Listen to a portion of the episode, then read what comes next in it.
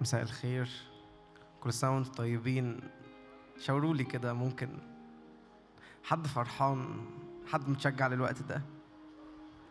تيجوا ندي تحية كده للرب بنرحب بالرب في الأول.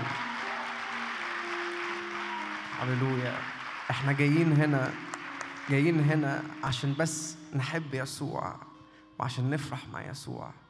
عايزك تطلع بره أي مظاهر احتفال. خلي قلبك حقيقي في الوقت ده. أنا عارف إنه المعادلة صعبة بينهم. بس إحنا آه جايين نحتفل. بس قلبنا حقيقي جدا قدام يسوع. وبنطلع بره شكل الاحتفال ده وقلبنا مع يسوع بيروح. بنشكره بقى على كل السنة اللي فاتت وعلى السنين اللي جاية كلها مش بس 2024 بنشكره على كل السنين اللي فاتت اللي فاتت واللي جاية كلها لأنه هو اهيا الذي اهيا الذي كان الكائن الذي يأتي. فاحنا بنحب يسوع. عشان كده متجمعين في احتفال زي ده تاني. تيجوا ندي تحية تاني للرب كده. هللويا. تعالوا نقف كده كلنا وإحنا بنبدأ الوقت. أشجعك اقف كده معايا. تعالوا نطلع أخبار الأيام التاني خمسة. هنقرأ آيتين ونبدأ عبادة على طول.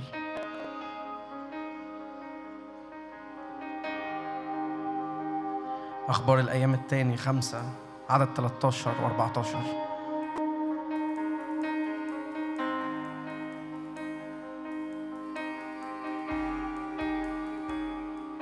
تيجوا نقرا مع بعض كده وإحنا بنبدأ الوقت ده.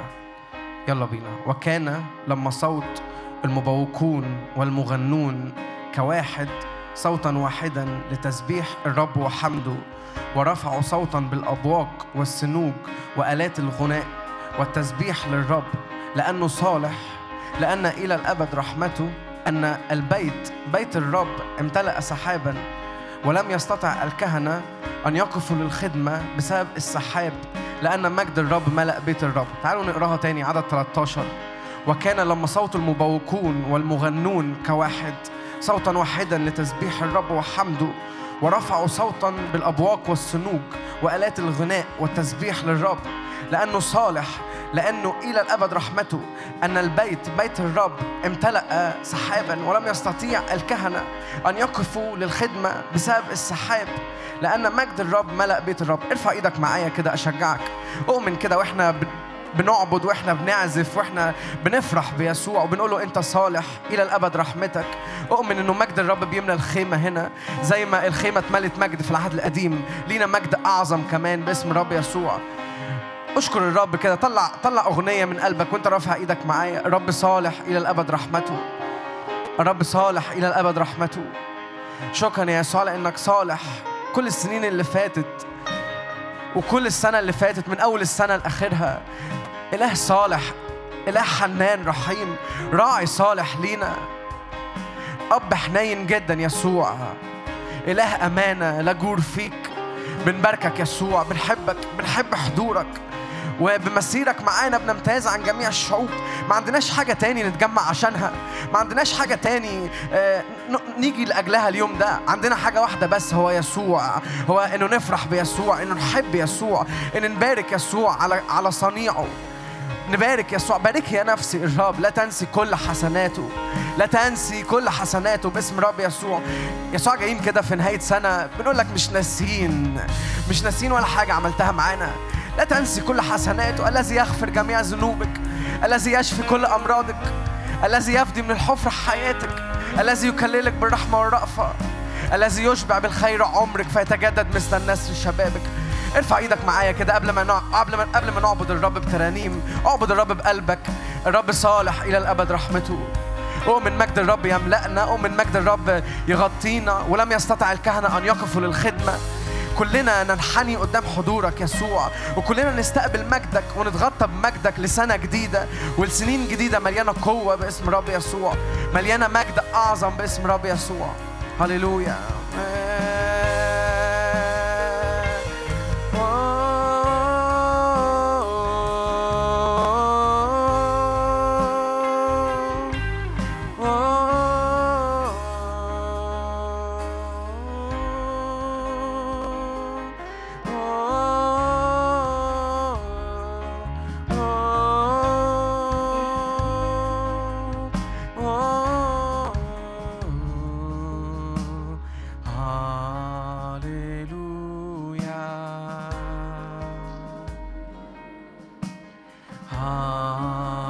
هاليلويا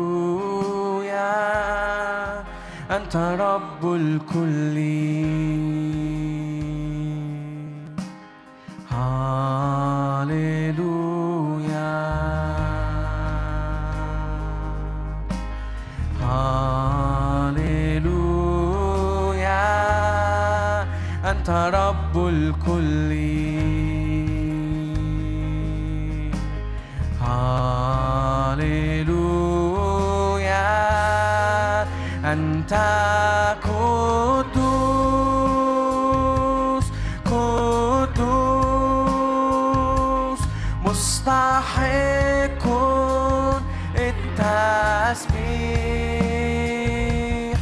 مجدا للحمام أشجعك انسى نفسك كده انسى الخيمة. كأنك أنت والرب لوحدك. آه، خلي قلبك حقيقي في وسط الاحتفال ده. لا تفقد تركيز قلبك أنت والرب. آه، أنت مجدا للحمال مجدا للحمال مجدا للحمال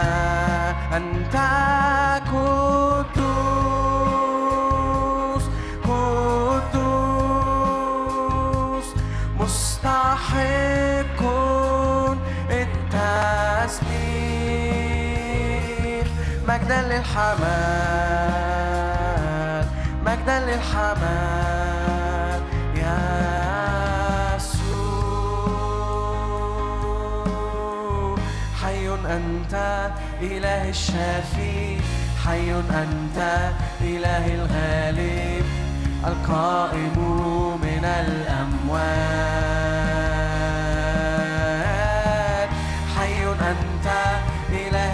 لما ابتدأ المغنون والمبوقون في التسبيح والغناء أن مجد الرب ملأ بيت الرب. حي أنت حي أنت إله الشافي. حي أنت. لم يستطع الكهنة الوقوف للخدمة. حي أنت حي أنت إله الشافي. حي أنت إله الغالب باسمك نصنع الآيات.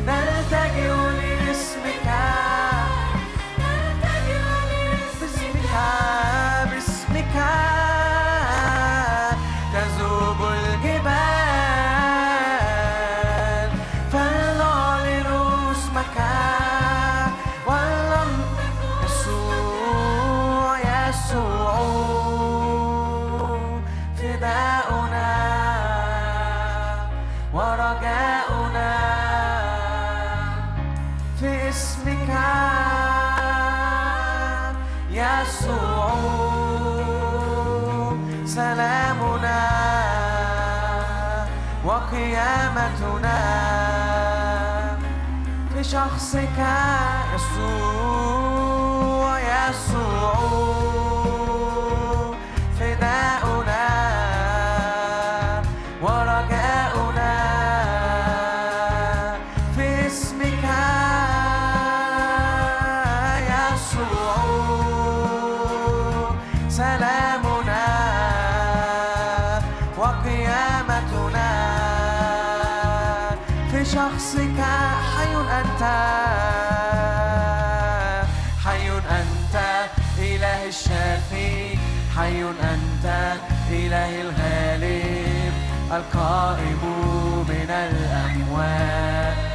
بنختم سنة بقوة ونبدأ سنة بقوة.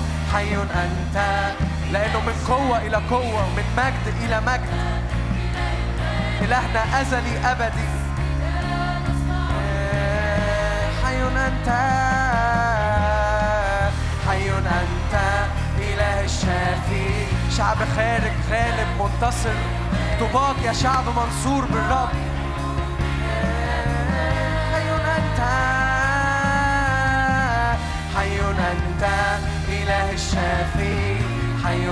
أنت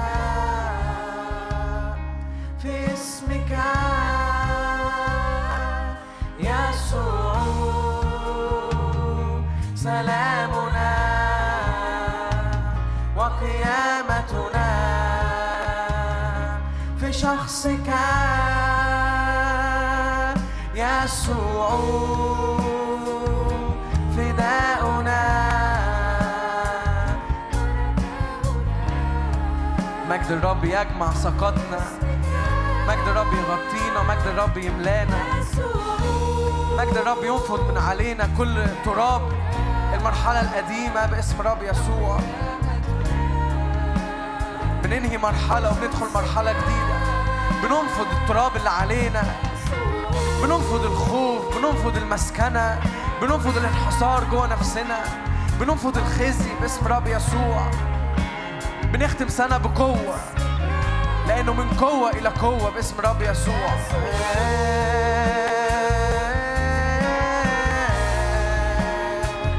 وقيامتنا في شخصك حي أنت.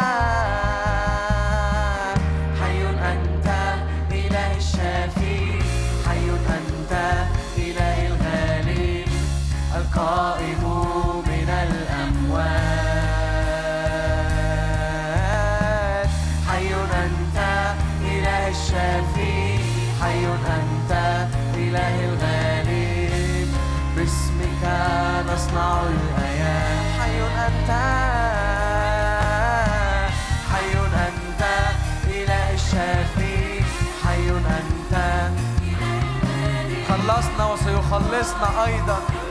حملنا وسيحملنا أيضا. إلهنا ثابت الصخر الكامل صنيعه. الصخر الكامل صنيعه.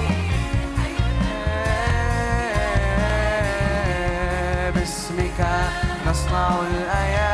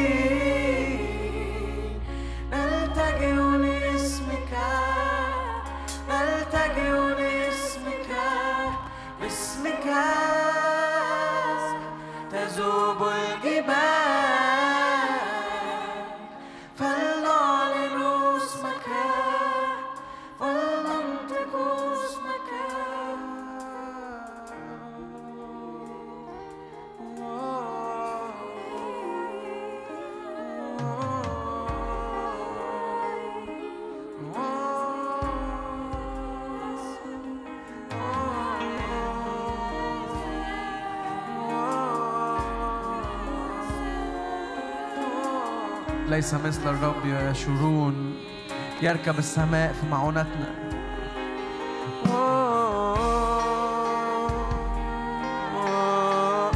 بنباركك يسوع على أمانتك.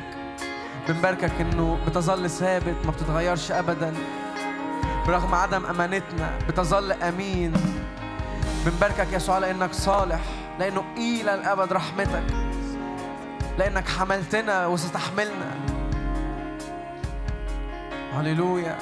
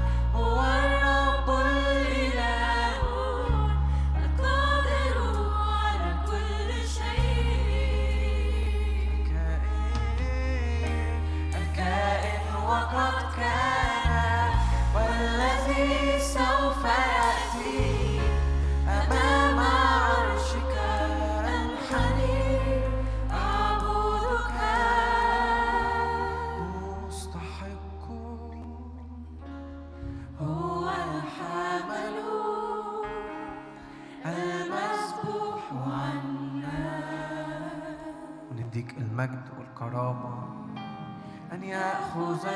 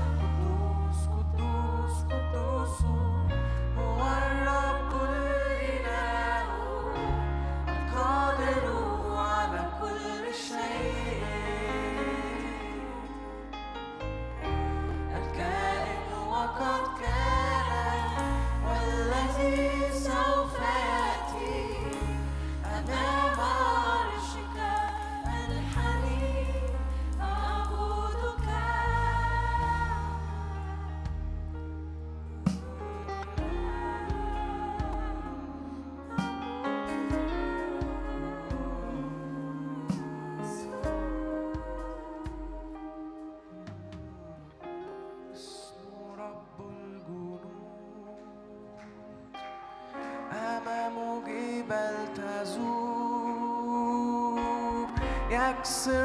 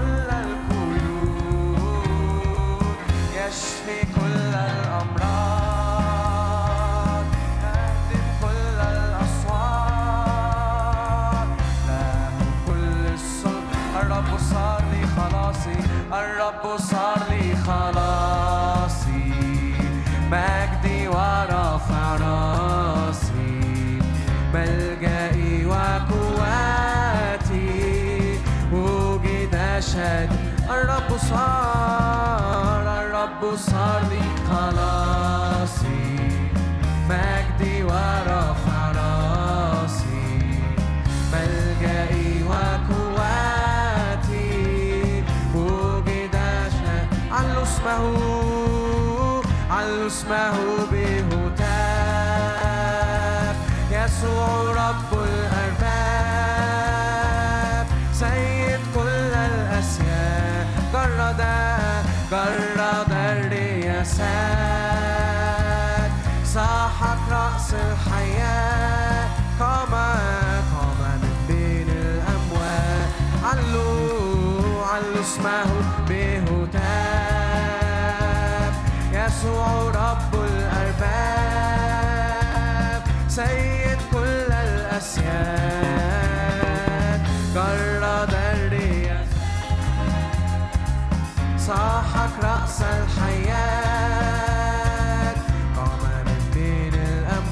الرب صار لي الرب صار لي خلاصي مجدي ورفع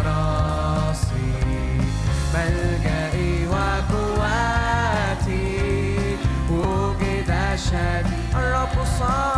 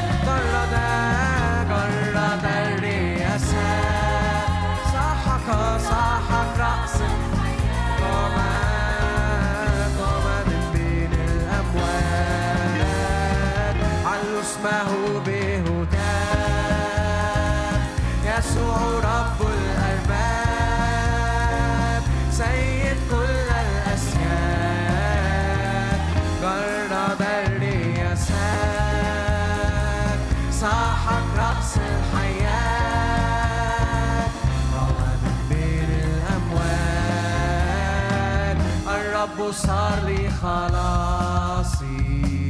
مجدي ورفع راسي ملجئي وقواتي وجد تعال سقف للرب كده. الرب صار لي. الرب صار لي خلاصي. مجدي ورفع راسي ملجئي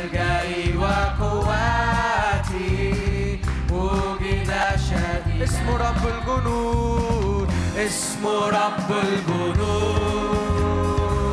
أمام الجبال تذوب يكسر كل القيود. يشفي كل الأمراض. يهدم كل الأسوار له كل السلطان. اسمه رب الجنود. اسمه رب الجنود.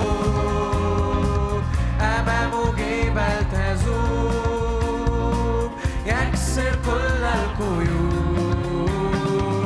يشفي كل الأمراض.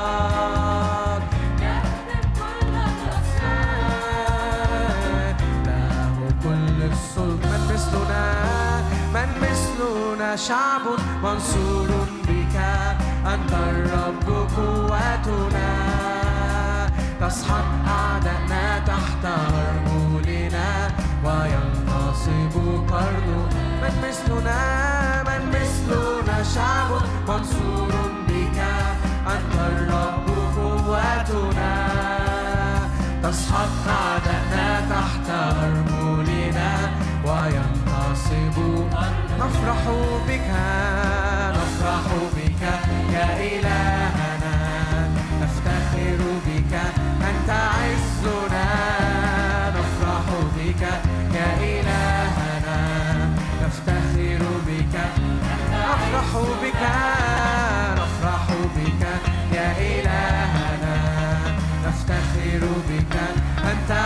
نفرح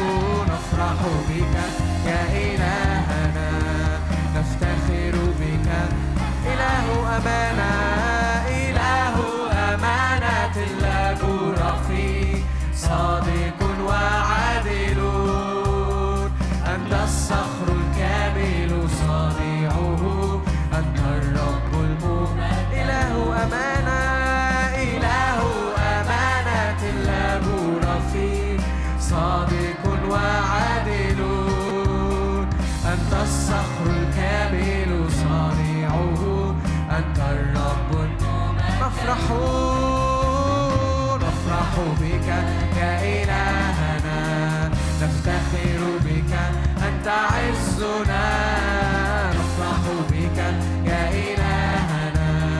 نفتخر بك. أنت عز تضيء تضيء سراجي تنير ظلمتي فلا تتقلقل قدماي تمنطقني بالقوة فيصير طريقي كاملا. تضيء سراجي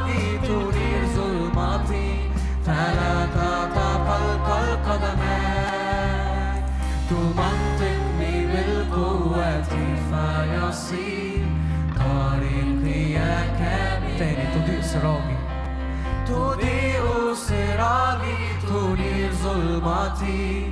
فلا تتقلقل قدماي تمنطقني. تمنطقني بالقوة فيصير. طريقي كامل تضيء. تضيء سراجي تنير ظلمتي. فلا تتقلقل قدماي تمنطقني بالقوة فيصير طريقي كامل. نفرح نفرح بك يا إلهنا. نفتخر بك. أنت عزنا.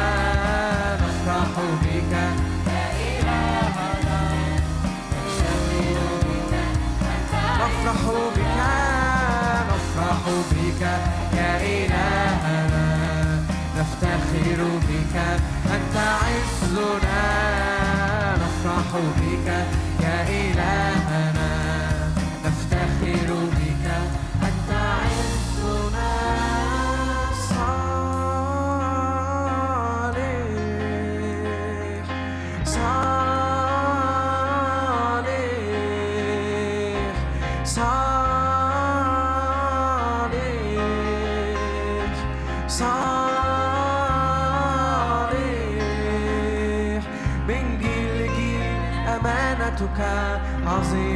رحمتك من جيل لجيل أمانتك عظيمة رحمة من جيل لجيل من جيل لجيل أمانتك عظيمة رحمتك من جيل لجيل أمانتك عظيمة رحمتك من جيل لجيل أمانتك عظيمة رحمتك من جيل لجيل أمانتك عظيمة رحمتك أنت راعيا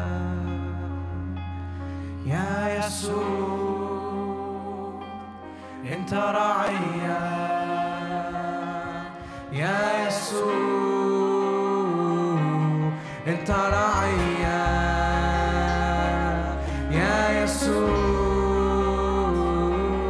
أنت راعيا يا يسوع. أنت راعيا يا يسوع رب رعيا فلا يعوزني شيء.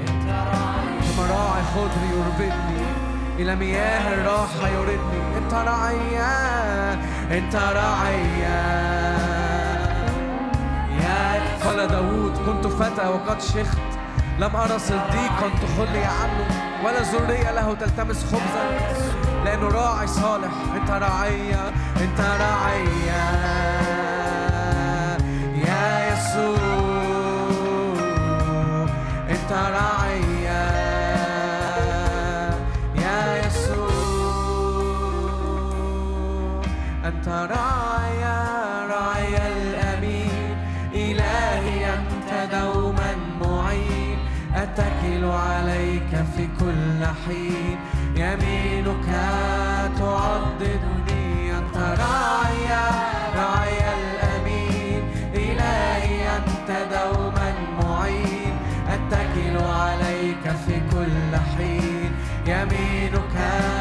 صالحون أنت صالحون أنت صالحون أنت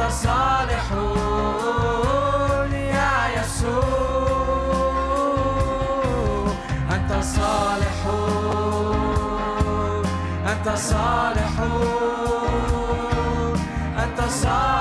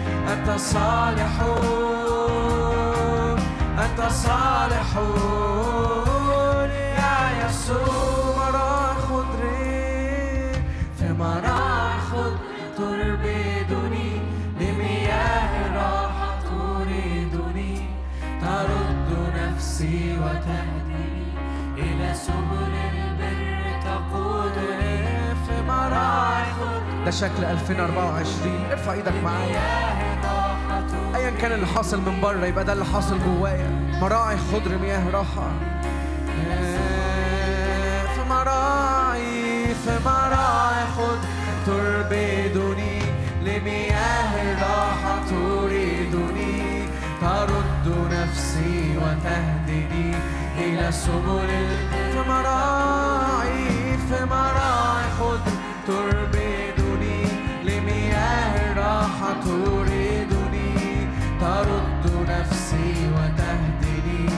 إلى سبل البر تقودني. أنت الصالح.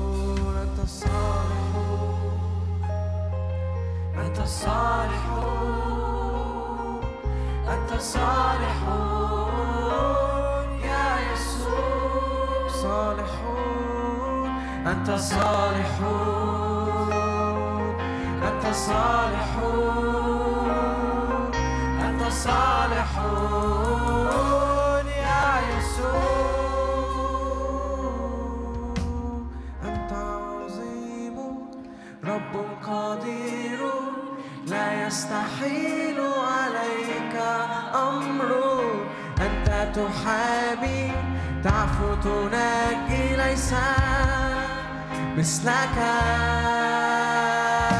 أنت عظيم رب قدير لا يستحيل عليك أمر.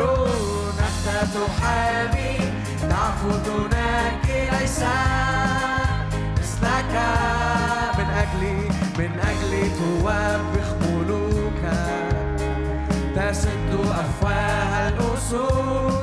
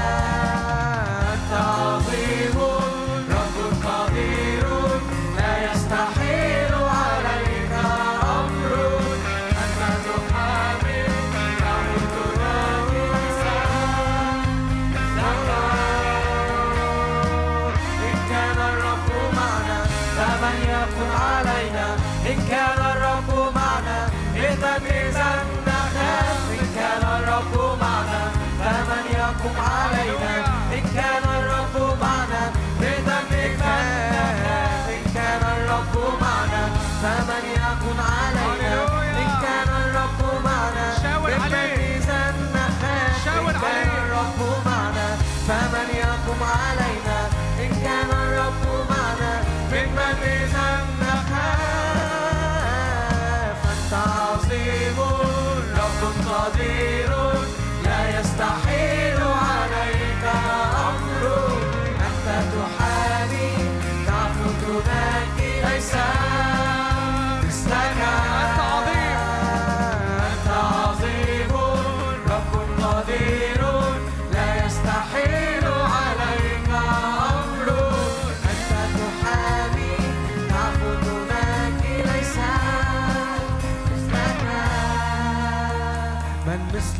ارفع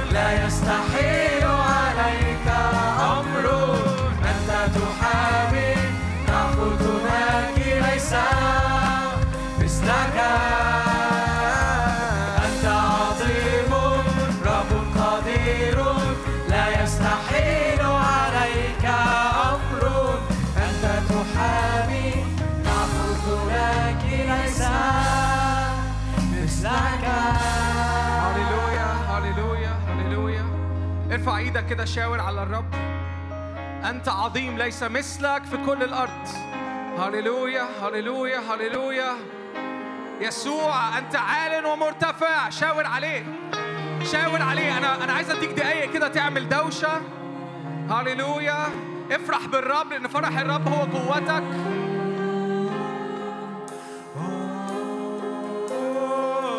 اعلن يسوع اعلن يسوع. ده وقت نرفع اسم يسوع.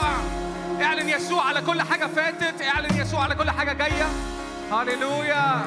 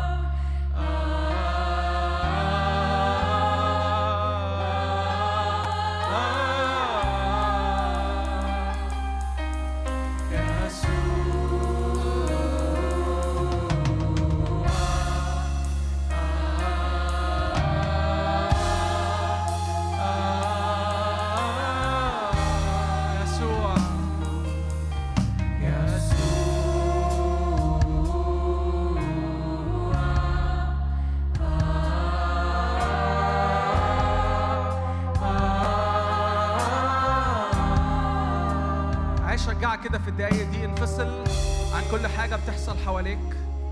ما تركزش مين بيتحرك في القاعة ما تركزش مين لابس إيه ومين شكله إيه. أنا عايز أدعوك في اللحظات اللي جاية دي إنك تنظر إلى يسوع وحده وليس آخر. كمل باصص على يسوع لوحده مالكش دعوة بإيه اللي بيحصل.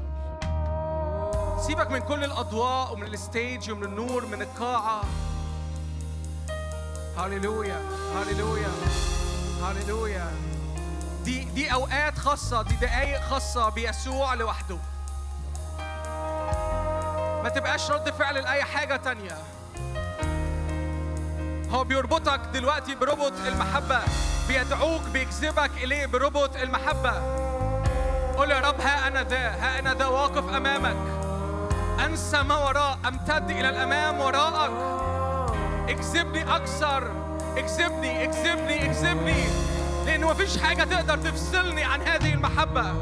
هاليلويا يسوع بحبك. بحبك بحبك. يسوع أنت أغلى حاجة. إيه؟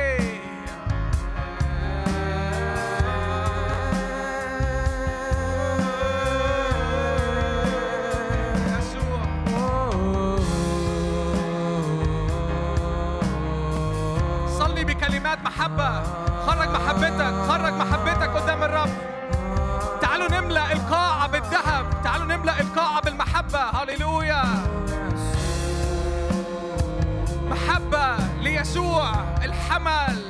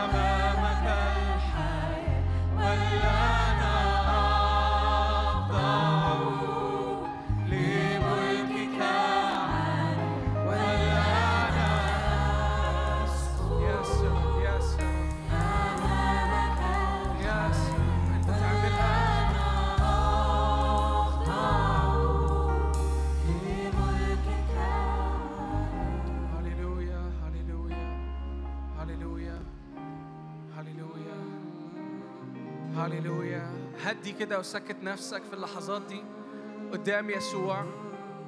اعلنه سيد ورب على حياتك.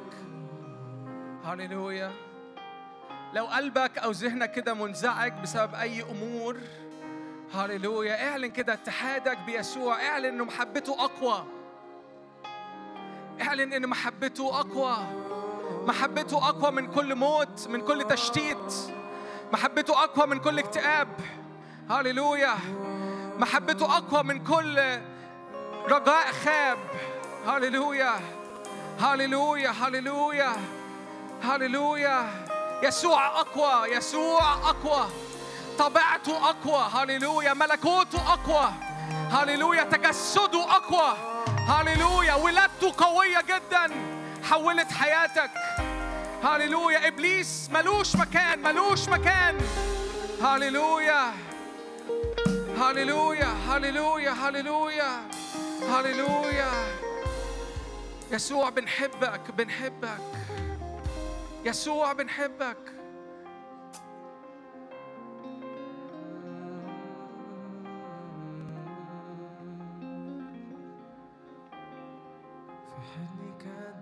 في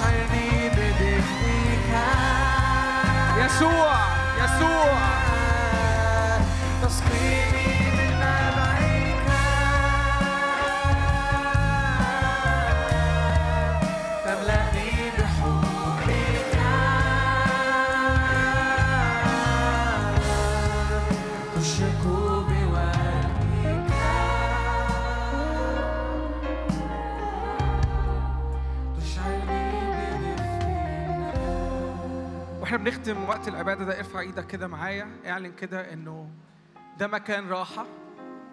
يسوع هو مكان راحتنا. يسوع هو مكان محبتنا الأولى.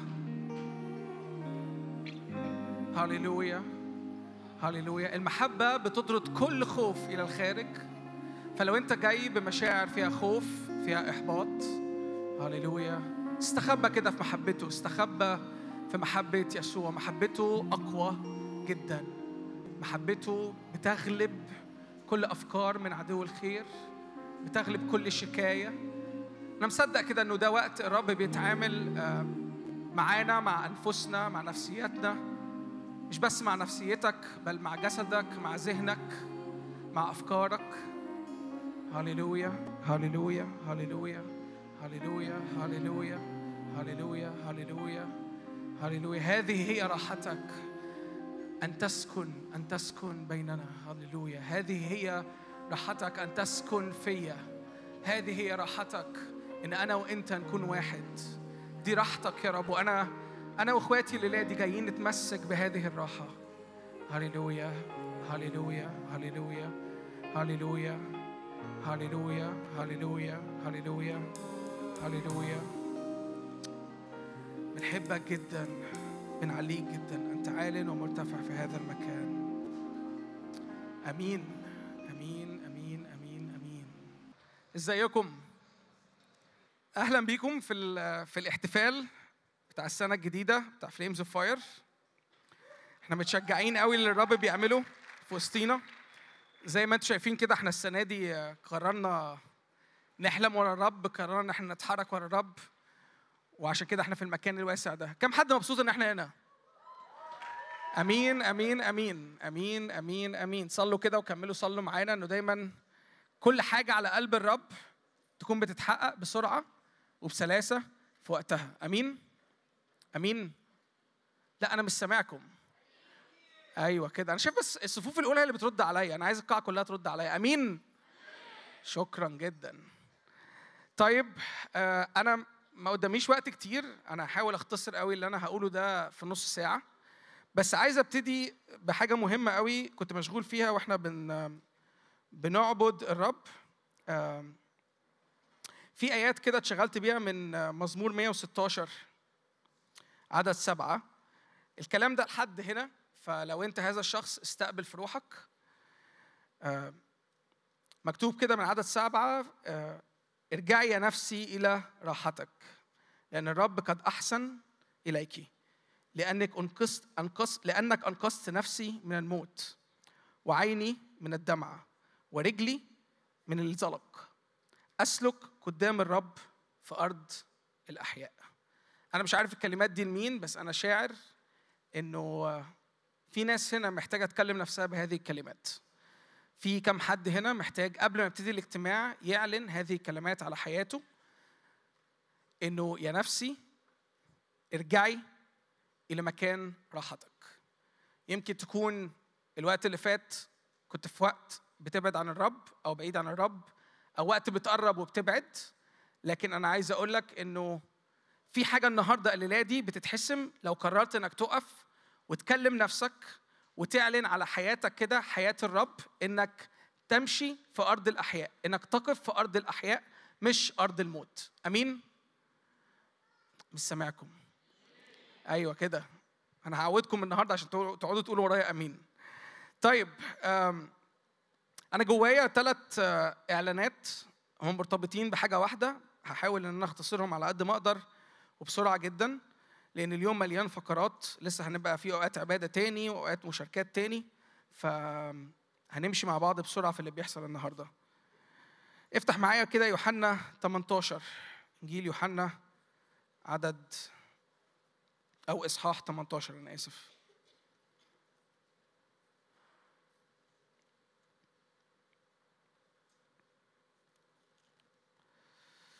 من أول عدد 33 ثم دخل بيلاطس أيضا إلى دار الولاية ودعا يسوع. وقال له أنت أأنت أنت ملك اليهود؟ اجابوا يسوع أمن ذاتك تقول هذا أم آخرون قالوا لك هذا؟ اجابوا بيلاطس لعلي أنا يهودي أمتك أمتك يعني ورؤسائك الكهنة أسلموك إلي. ماذا فعلت؟ أجاب يسوع مملكتي ليست من هذا العالم لكن لو كانت مملكتي من هذا العالم لكان خدامي يجاهدون لكي لا أسلم إلى اليهود ولكن الآن ليست مملكتي من هنا. فقال له بيلاطس أفأنت إذا ملك؟ أجاب يسوع ودي الحتة اللي أنا مشغول بيها أنت تقول إني ملك أنا ملك لهذا قد ولدت أنا ولهذا قد أتيت إلى العالم لأشهد للحق. كل من هو من الحق يسمع صوتي. فقال له بيلاطس ما هو الحق؟ ولما قال هذا خرج أيضا إلى اليهود وقال لهم أنا لست أجد فيه علة واحدة ولكم عادة أن أطلق لكم واحد في الفصح أفتريدون أن أطلق لكم ملك اليهود فصرخوا جميعا قائلين ليس هذا بل باراباس وكان باراباس لصا أنا عايز أبص معاكم كده على كام نقطة في في الحتة اللي قريناها دي. رقم واحد وده اللي ماليني قوي وده اللي أنا مشغول بيه قوي للنقلة اللي بتحصل في وسطينا من سنة لسنة. ليها عنوان كبير قوي اسمه إن يسوع ملك. شاعر جدا ان الرب بينقلنا كجسد ككنيسة من حتة لحتة بياخدنا من مكان لمكان. المكان الجديد دوا ده موقع. زي ما أنتوا النهارده كده موجودين في موقع مختلف عن بيت عمانوئيل اللي دايما بنتقابل فيه. إحنا النهارده في المقطم. ميرسي قوي إن أنتوا كلكم جيتوا. بس أنا فعلا عايز أقول لك إنه الموضوع مش بيحصل بس زي ما حصل النهارده كده في الجسد إن إحنا في مكان مختلف في قاعة مختلفة. لكن الرب واخدنا المكان مختلف. المكان المختلف ده اسمه إن يسوع ملك. وشاعر جدا إن في السنة الجديدة دي الرب عايز ينقلك عايز يحطك في هذا الإعلان عايز يملكك معاه انت بتتنقل مع يسوع من حالة لحالة تانية. هل ده معناه إن السنة اللي فاتت ما كانش فيها يسوع ملك؟ لا يسوع كان ملك في كل الأحوال. لكن في إعلان كبير في حتة مهمة جدا ليها إعلان واضح أنت بتسلك فيه وأنا شاعر جدا الرب النهارده بيقودنا كجيل كشباب للحتة دي مع بعض. بغض النظر انت جاي من فين بغض النظر انت جاية من ظروف عاملة إزاي في 23 بغض النظر من اختباراتك وإعلاناتك سواء كانت جيدة جدا أو كانت سيئة جدا. بغض النظر انت اختبرت أمور فيها هذا الإعلان أو ما اختبرتش قبل كده حاجة اسمها إن يسوع ملك. أنا عايز أقول لك إن يسوع لما وقف في هذه المواجهة قال آه. لما اتسال قال يس أنا ملك. أنت بتقول إن أنا ملك. مين قال لك كده؟ أنت بتقول ده من نفسك ولا في حد قال لك؟ لأني أنا على فكرة إيه؟ ملك. أنا اتولدت ليه؟ لأني أنا ملك. أنا جيت على الأرض ليه؟ لكي أملك. لكن أنا مملكتي ليست من هذا العالم. وابتدى يشرح له إنه لو مملكتي كانت من هنا كنت هتلاقي ناس دلوقتي بتدافع أو بتعمل حاجة زي كده. لكن مش ده اللي حاصل لأن أنا مملكتي مش من هنا. أنا مملكتي ليست من هذا العالم. وعلشان كده أنا اتولدت. عشان كده أنا جيت. مش كده وبس. كل الناس أو كل شخص واقف في الحق هيقدر يميز إعلان إن يسوع ملك. فأنا عايز أقول لك النهارده كم ملاحظة مهمة قوي. السنة الجديدة دي أنت محتاج قوي قوي قوي. لو أنت لا قدر الله يعني بعيد أو لو قدر الله مش حاسس إن أنت متثبت في الحق حط إيدك كده على قلبك وكلم نفسك وقول لروحك أنا عايز السنة دي أتعمق في الحق. أنا عايز السنة دي أقف في الحق أكتر فأقدر أقدر أميز إن يسوع إيه؟ ملك. لا تكون مش مميز لسه إن يسوع إيه؟ ملك. إحنا كتير قوي بنحتفل بأيام زي دي أيام الكريسماس وبنقعد نغني Jingle Bells وبنقعد نقول أغاني لذيذة ويسوع جه لأرضنا ومات علشاننا وبنلبس أحسن لبس وبنطلع الطقم الجديد من الدولاب وبنحط أحسن برفان وبنلبس أحسن دريس بس أنا عايز أقول لك حاجة مهمة قوي يسوع مظاهر الاحتفال بيه مش خارجية. يسوع مظاهر الاحتفال بتاعته هي في حياتك اليومية على مدار السنة. أنت كل يوم من حقك تحتفل إن يسوع ملك. مش بس في السيزن اللي اسمه كريسمس مش بس في الوقت اللي الكنيسة أو الأرض كلها بتقعد تحتفل بالسنة الجديدة وبميلاد يسوع. يسوع ما اتولدش علشان كان بيبي جميل جه لارضنا وإحنا بنحتفل بيه. يسوع اتولد لكي يملك على مملكة. ودي أول حاجة أنا عايز أقولها لك. وإنت حضرتك وجودك النهارده في هذه الخيمة بيقول إن حضرتك من هذه الإيه؟ المملكة. أنت مش واحد غريب. أنت ما جيتش هنا بالصدفة. انت مش معدي في الشارع في المقطم فقلت أجي اما أشوف الناس دي بتعمل إيه. آه احتفال لذيذ وقاعة كبيرة ولايتس وكاميرات وشاشات وحاجات جميلة قوي. بس لو ده كله حصل وانت مش خارج من القاعة دي مدرك حاجة بتقول إن يسوع ملك شخصي على حياتك أنا عايز أقول لك اعمل مع نفسك الليلة دي واقفة. وما تضيعش بقية اليوم وانت مش معدي الإعلان دوا ده إعلان بينقل حياتك. ده إعلان بيغير من طبيعتك ده إعلان بينقلك من مكان لمكان تاني خالص بيعلن إن حضرتك وحضرتك ملكية خاصة لملك. وعشان الملك ده يزداد أنت محتاج كل يوم تقف في الحق. أنت محتاج كل يوم تعلن حق الرب. عارفين إيه هو الحق؟ الكلمة. أنت محتاج كل يوم تقف في هذه الكلمة. لأن كل يوم وأنت بتقف في هذه الكلمة هذا الحق بتقدر تميز صوت هذا الملك.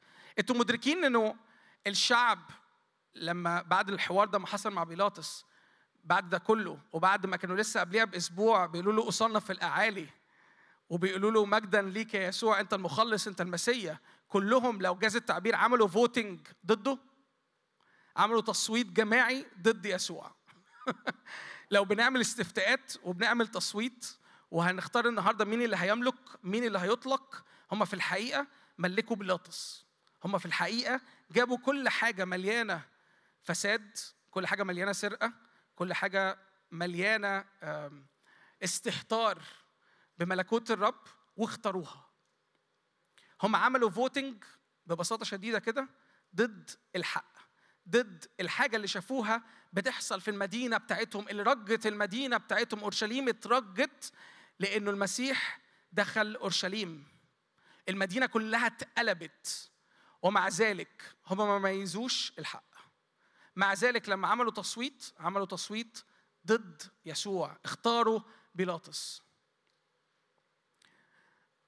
يعني الناس دي اختبرت الناس دي شافت الناس دي كانت في مقابلة قبلها بأسبوع بالظبط مع يسوع المسيح المسيا. ومع ذلك اختاروا مين؟ بيلاطس.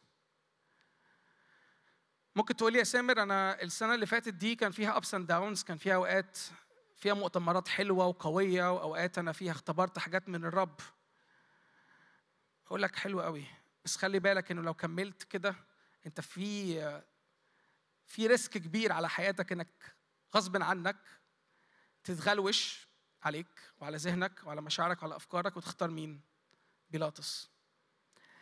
أنا عايزك تصدق معايا كده إنه السنة الجديدة دي في كأنه تكليف في مسؤولية على حياتك إنك تثبت في الحق. وكل ما أنت بتثبت في الحق كل ما أنت بتتفق معايا على هذا الاتفاق إن خلي بالكم إن الليلة دي ليلة اتفاقات. الليلة دي ليلة اتفاقات أنتوا أنتوا مش جايين تحتفلوا أنتوا جايين تتعهدوا بحاجات أنتوا جايين تعلنوا أمور معينة على حياتكم وتتفقوا مع اللي بيحصل من الرب على حياتكم. وكل ما انت بتقرر انك يس يا رب أنا بقرر ان اتفق معاك هذا الاتفاق. كل ما الرب بيشتغل أسرع وبيعبرك ألف ذراع بنعمة لأنه في نعمة الليلة دي للعبور. أمين؟ أمين؟ أنا مش سامعكم. يسوع بيعلن نفسه إن هو ملك. مملكته ليست من هنا. خلي بالك هو كان في الفصح وقت الفصح. وأطلقوا باراباس أنا مصدق جدا إن السنة الجديدة دي سنة 24 هي سنة فصح. فصح يعني إيه؟ فصح يعني عبور. فصح هو عيد العبور. okay؟ عيد العبور باسم يسوع الجسد ده ما يطلقش باراباس في اسم يسوع يطلق مين؟ يسوع. يطلق مين؟ أنا مش سامعكم. هللويا. سنة فصح سنة مليانة فصح سنة مليانة اختيار لإطلاق يسوع سنة مليانة الاستعلان يسوع سنة عنوانها الكبير يسوع ملك. تاني نقطة عايز أقولها معاك. افتح معايا أخبار أيام التانية.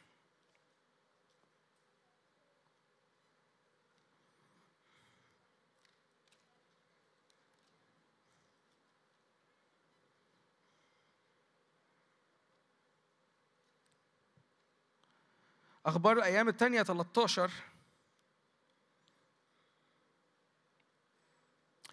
من أول عدد أربعة وقام أبية على جبل اسمه سمريم الذي في جبل إفرايم وقال اسمعوني يا يربعام وكل إسرائيل أما لكم أن تعرفوا أن الرب إله إسرائيل أعطى الملك على إسرائيل لداود إلى الأبد ولبنيه بعهد وخلى العهد ده حاجة مميزة قوي. اداله تسمية مميزة جدا. سماه عهد ملح. ودي النقطة التانية اللي أنا عايز أقولها لك النهاردة.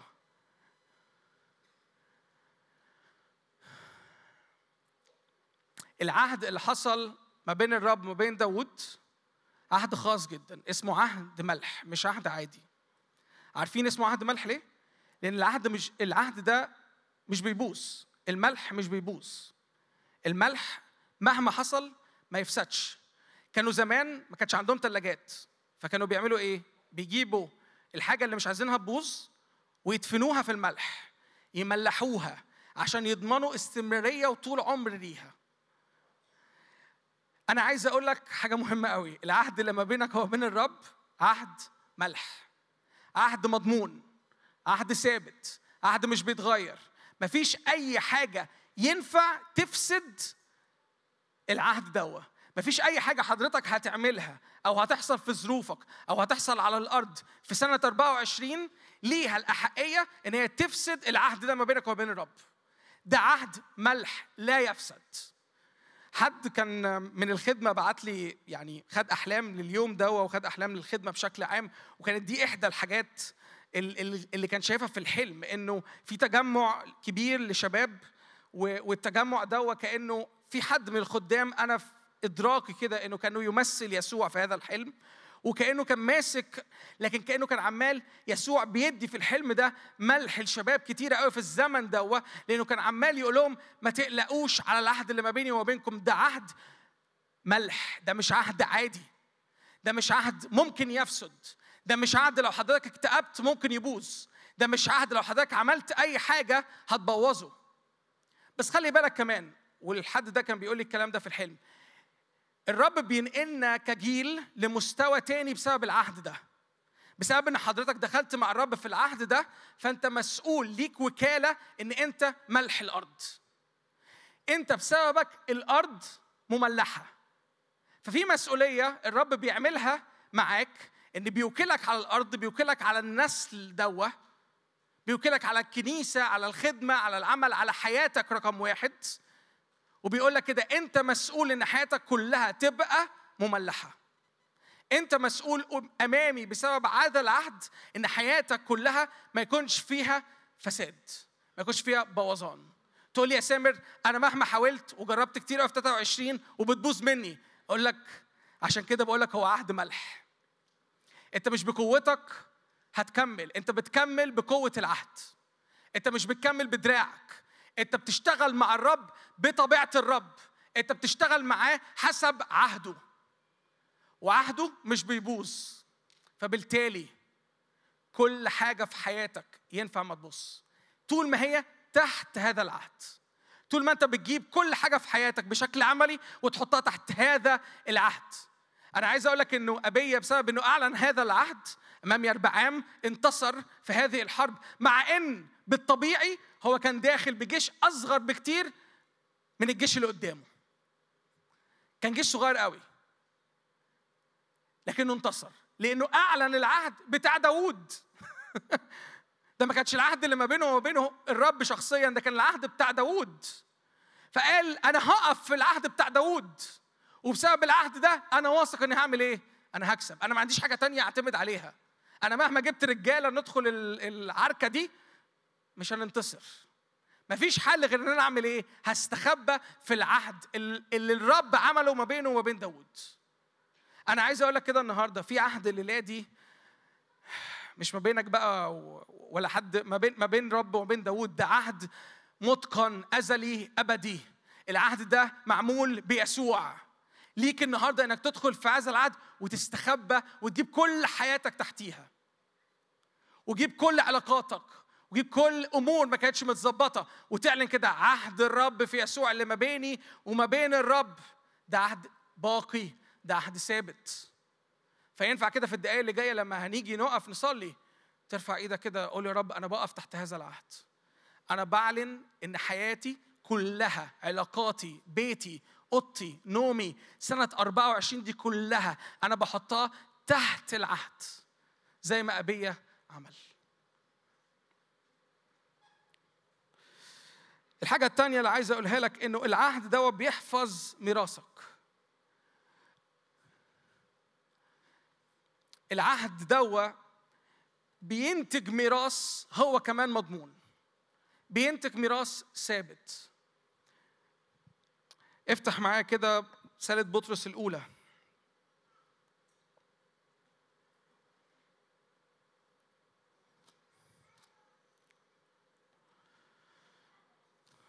كم واحد متشجع بالرب؟ هللويا واضح إن في خمسة سبعة متشجعين شجعتوني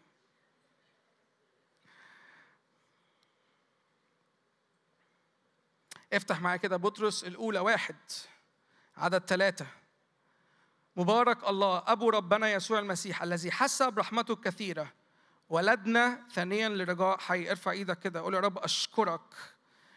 إنك ولدتني ولادة تانية لرجاء حي مش رجاء ميت. معلش ارفع إيدك كده بإيمان معلش. ارفع إيدك معايا بإيمان قول يا رب أشكرك إن أنا مولود في يسوع ولادة تانية هللويا هللويا هللويا هللويا مبارك أبو ربنا يسوع المسيح الذي حسب رحمته الكثيرة اعلن كده رحمة الرب الكثيرة وانت داخل السنة الجديدة دي ولدك ولادة تانية لرجاء حي بقيامة يسوع المسيح من الأموات من أول عدد أربعة لميراث صلي كده معايا هذه الآيات لميراث لا يفنى لا يتدنس لا يضمحل محفوظ في السماوات لأجلك أنت الذي بقوة الله إيه؟ محروس. حط إيدك كده على قلبك قول يا رب أشكرك إني ضامن مواريثي. أشكرك إني ضامن مواريثي في يسوع. أنا عارف إنه ميراثي محفوظ. هللويا. هللويا. مبارك أبو ربنا يسوع المسيح الذي ولدنا ولادة تانية. مبارك أبو ربنا يسوع المسيح اللي ولدني في هذا الزمن في هذه الأرض. هللويا. من أجل مواريث لا تفنى لا تضمحل. مفيش حاجة هتحصل في هذه المواريث. مهما عدى عليها الزمن هتزداد لأنها محفوظة مش بتنقص مش بيتاكل منها. صلي كده على حياتك صلي على شبابك صلي على أيامك اللي جاية. قول يا رب أشكرك إنه نهايتي نهاية قوية. أنا بختم لو في جه الزمن هكون بختم فيه حياتي على الأرض. أنا عارف اني مش هختم بضعف لأن مواريثي محفوظة في الرب. هللويا. صلي على حياتك. لو انت مش مرتبط لسه صلي لارتباطك. صلي لشغلك. صلي لكل أمور في حياتك لسه هتيجي. قول يا رب أنا عارف إنك مش بتعديني نقطة مش بتعوديني بوابة وبعد كده في احتمالية إني أضعف. مفيش احتمالية إني أضعف لأن بس في احتمالية إني أزداد في النعمة. هللويا. هللويا. مبارك أبو ربنا يسوع المسيح الذي ولدنا ولاد ولادة ثانية. هللويا. ميراث لا يفنى لا يتدنس لا يضمحل محفوظ في السماوات لاجلي أنا الذي بقوة الله محروس بإيمان لخلاص مستعد أن يعلن في الزمن الأخير. هللويا. دي النقطة الثالثه اللي أنا عايز أحكي لك عليها. النقطة الثالثه دي ببساطة إنه إحنا في الأزمنة الأخيرة. وده خبر حلو قوي إحنا في الأزمنة اللي فيها كأنه الرب كأنه كان على مدار سنوات كتيرة قوي عمال يحوش أمور كتيرة قوي للزمن ده للجيل دوا وأنا عايز أقول لك بجد إحنا محظوظين إحنا في الزمن ده. لو أنت كنت الوقت اللي فات كده بتبص على اللي بيحصل حواليك على الأرض وبتقول يا رب أنا عايز أرجع عشر سنين لورا أيام الدنيا كانت لذيذة وخفيفة وحلوة ومحدش يعرف النهر ده بيحصل فيه إيه والاقتصاد فيه إيه والدولار فيه إيه والحروب فيها إيه يمكن تكون ال- الوقت اللي فات ده اضطربت بسبب اللي يحصل في العالم. بس أنا عايز أقول لك يا بختك إن أنت في الزمن ده في الأرض دي. بجد يا بختك إنه في الزمن ده أنت الرب محوش كل نعمة خاصة بالأزمنة الأخيرة عمالة تتحوش في هذه الأزمنة لاستعلان يسوع من خلالك. يسوع بيستعلن في هذه الأزمنة من خلال كل واحد وواحدة هنا في كل موقف كبير أو صغير كل قرار هو بيختار. فاكرين لما كان الشعب اختار بيلاطس؟ أنت كل مرة بتختار فيها يسوع أنت بتعلن يسوع في هذا الزمن اللي ممكن يكون اسمه أزمنة أخيرة. ممكن يكون ال ال ال سهل قوي إنك تبص على اللي بيحصل حواليك وتقول آه يا رب خلصها بقى. آه يا رب نزل نار من عندك وخلص دول وخلص دول وعشان نرتاح. بس أنا عايز أقول لك إنه دي أزمنة صلواتك فيها اللي بتعلن يسوع هي اللي بتخلص الدنيا. مش نفسيتك. مش لما بتتجاوب مع هذه الأمور بأمور نفسية خارجة منك حاجة هتحصل. الرب بيسمع صلوات إعلانها وعنوانها وتركيزها شخص واحد اسمه يسوع. أي حاجة تانية بره هذا أي حاجة تانية بره هذا هي مش محسوبة. إحنا في أزمنة ممكن تكون أزمنة أخيرة. والرب على فكرة كان بيقول دوا من وقته. الرب كان بيقول إنه لن يمضي هذا الجيل إلا لما يشوف واحد واثنين وثلاثة وأربعة صح؟ فاكرين؟ متى كان مكتوب فيه كده؟ متى كاتب كده؟ إن يسوع قال أمور كتيرة قوي علامات ليها علاقة بنهاية الزمن. ويمكن يكون ال ال ال الاستخدام أو التوظيف الطبيعي لجمل زي دي هو خاص بحاجات ليها علاقة بنهاية الأزمنة. بس أنا مش مشغول بده كله. أنا مشغول إنه الجيل ده لن يمضي إنه هذا الجيل جيلنا ده لم يمضي لن يمضي إلا لما يشوف كل اختبارات كل ناس كانوا عايشة معاصرين ليسوع شافوها وأكتر. أنا إيماني إن الرب في الأزمنة دي بيدخلنا لكل حالة كانوا التلاميذ عايشينها للآخر. إحنا لينا كل اللي اتشاف في حياة المسيح على الأرض. أنا مشغول قوي بالجملة دي ويمكن أنا بختم مشاركتي بس أنا مشغول قوي بالجملة دي. إحنا مش هيتقال علينا من هنا ورايح جيل إيليا ولا جيل يشوع ولا جيل معرفش مين. أنت هيتقال عليك جيل يسوع. أنت هيتقال عليك الجيل اللي عاصر يسوع. أنت هيتقال عليك نفس اللي كان بيتقال على التلاميذ. أنتوا هتشوفوا الآيات والعجائب هي هي. اللي الرب قال إنه هللويا رأيت الشيطان ساقطا مثل برق من السماء في لوقا عشرة. حضرتك وحضرتك ليك هذا الحق إنك تختبر جيل يسوع. التلاميذ ال 12 ال 70 ال 120 كل دوائر كانت حوالين يسوع وبنقرأ عليها في الكلمة وكاننا بنتفرج على فيلم. حضرتك مدعي في هذه الأزمنة إنك تحاكي. عارفين المحاكاة؟ عارفين ال... عارفين أجهزة المحاكاة؟ يقول لك دخل في جهاز كده 3 دي أو اوجمانتد رياليتي وكأنه شاف الحاجة متجسمة قدامه. حد شاف التكنولوجيا دي؟ أنا مصدق إن الرب في هذه الأزمنة بيجيب التكنولوجيا دي بتاعته من السماء على الأرض فحضرتك مش تبقى داخل في اختبار ولا حالة. حضرتك تبقى عايش حياة كاملة زي اللي اتعاشت في زمن المسيح. إحنا في هذا الجيل يا جماعة إحنا لحد النهارده الجيل ده ما خلصش. حتى الآن هذه اللحظة لحد النهاردة. الجيل بتاع الكنيسة الأولى ما انتهاش. وأنت بتقرأ الكلمة دي وتقول آه الآيات والعجائب دي كانت أيام السيد المسيح. أنا عايز أقول لك دي مش أوقات وعدت. أنا عايز أقول لك اللي بيحصل في البيت النهاردة ينفع أن يدخل يسوع فيه وتلمسي إيديه. اللي بيحصل النهارده في الجامعة ينفع تختبر يسوع فيه. اللي بيحصل النهارده في أوضة النوم ينفع تختبر يسوع فيه لأنه يسوع حي. هللويا. هو جاء ليملك. هو جاء علشان في شعب علشان في كنيسة عشان في جيل بتعلن ملكه على هذه الأرض. أمين؟ أمين؟ طيب أنا نفسي ناخد الدقايق اللي جاية دي كده بالكلام اللي اتقال نعلن كده ملك يسوع. فهستأذنكم كده نقف.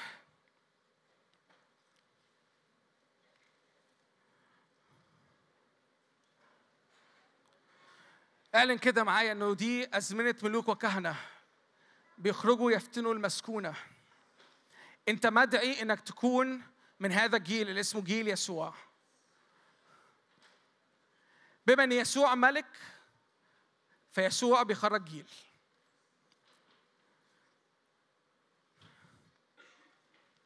ملكوت الله ليس بكلام. ملكوت الله بقوة.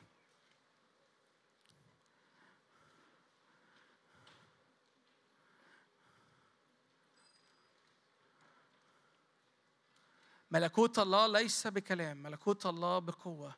قل يا روح الله أنا بستعد للادي لاستقبال هذه القوة لاستقبال هذا الإعلان. قل يا روح الله أنا جاي أحتفل النهاردة بملك يسوع على حياتي. مش اشجعك كده غمض عينيك افتح إيدك كده أمامك. يا رب ها أنا ذا واقف أمامك. افعل بي ما تريد. هللويا هللويا هللويا هللويا هللويا هللويا هللويا. يا رب أشكرك يا رب إنك داعي جيل يخرج حسب اسمك. مش حسب اسم حد تاني. هللويا. كل سقف اتحط على هذا الجيل يا رب النهارده بيعملوا اختراقه في يسوع في اسم يسوع. هللويا. انت مدعي انت مدعي انت مدعي لحالة يسوع الكاملة. انت مدعي انت مدعي انت مدعية ليسوع الكامل. هللويا. هللويا. هللويا. هللويا. هللويا. هللويا.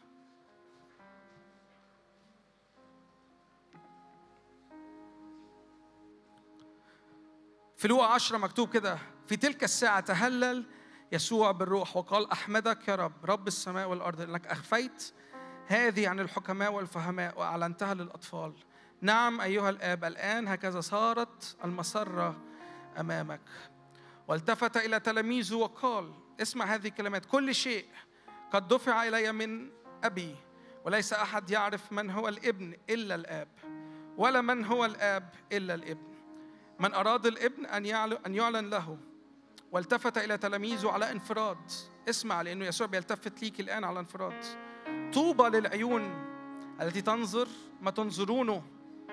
لأني أقول لكم إن أنبياء كثيرين وملوك أرادوا أن ينظروا ما أنتم ناظرون ولم ينظروا. وأن يسمعوا ما أنتم تسمعون ولم يسمعوا. طوبى لكم. طوبى إن أنت في هذا الجيل جيل يسوع. طوبى إنه أنت في هذا الجيل. جيل يسوع هللويا هللويا هللويا هللويا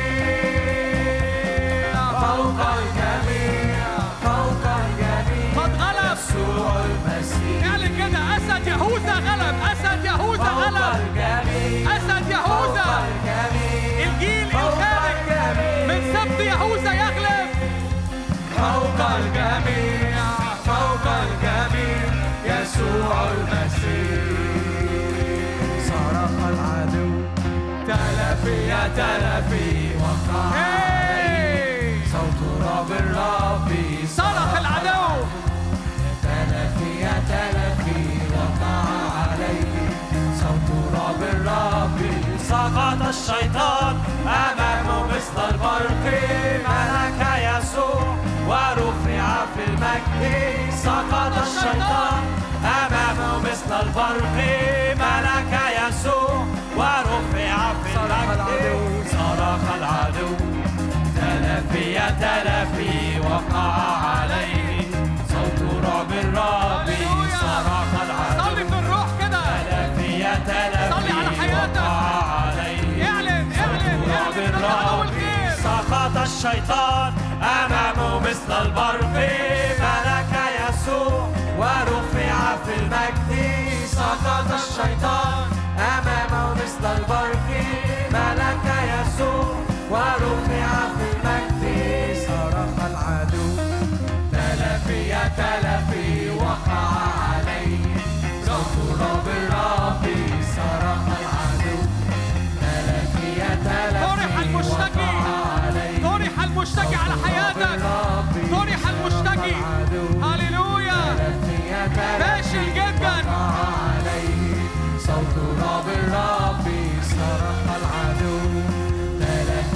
تلفي وقع عليه.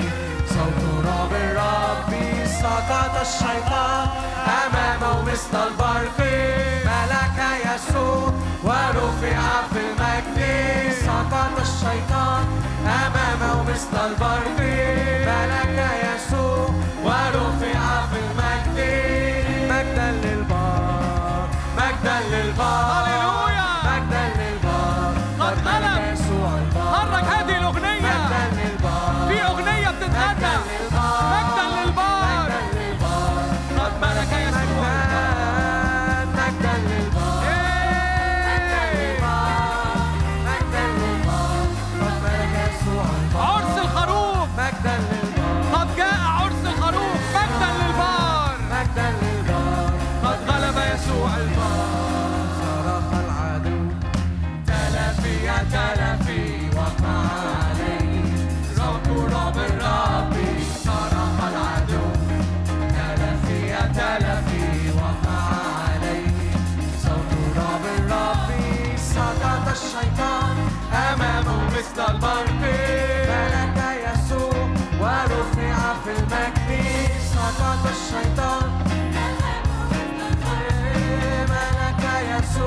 Wild Magdalene.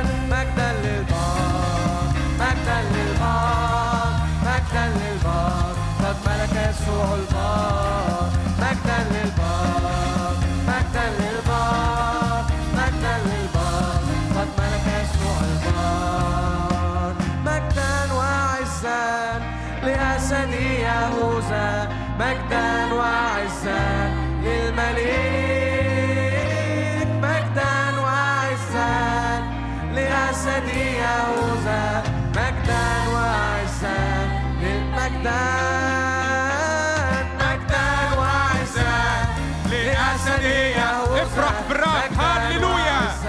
للملك. مجدا وعزا لأسد يهوذا مجدا وعزا للملك. البركة والقدرة القوة والسلطان. ليسوع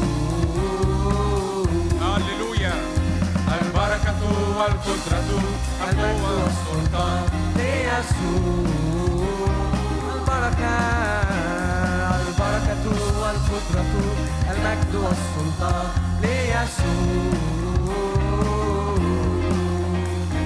البركة والقدرة المجد والسلطان ليسوع مجدا وعزا لأسد يهوذا مجدا وعزا للملك مجدا وعزا لأسد يهوذا مجدا وعزا للملك مجدا وعزا لأسد يهوذا مجدا وعزا للملك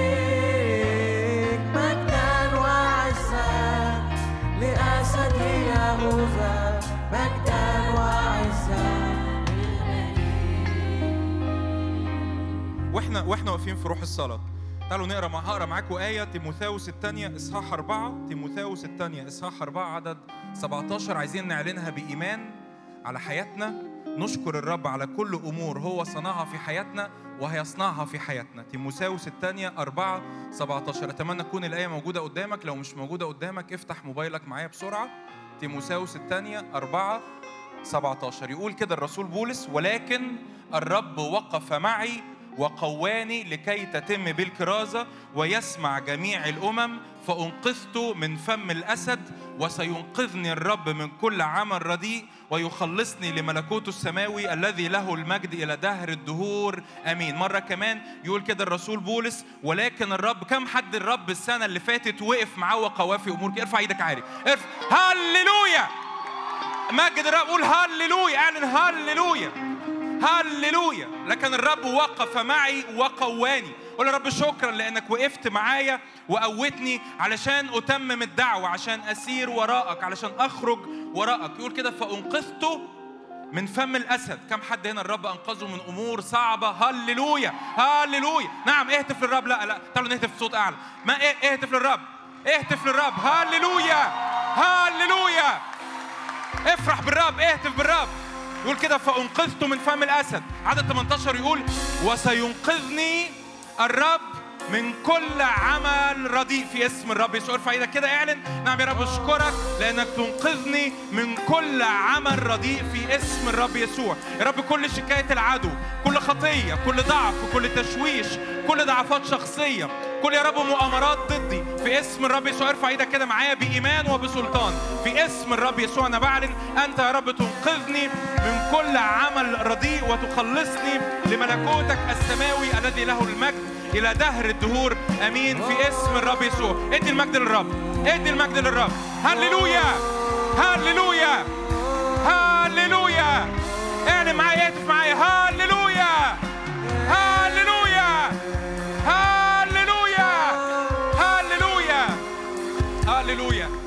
اقتحم الرب.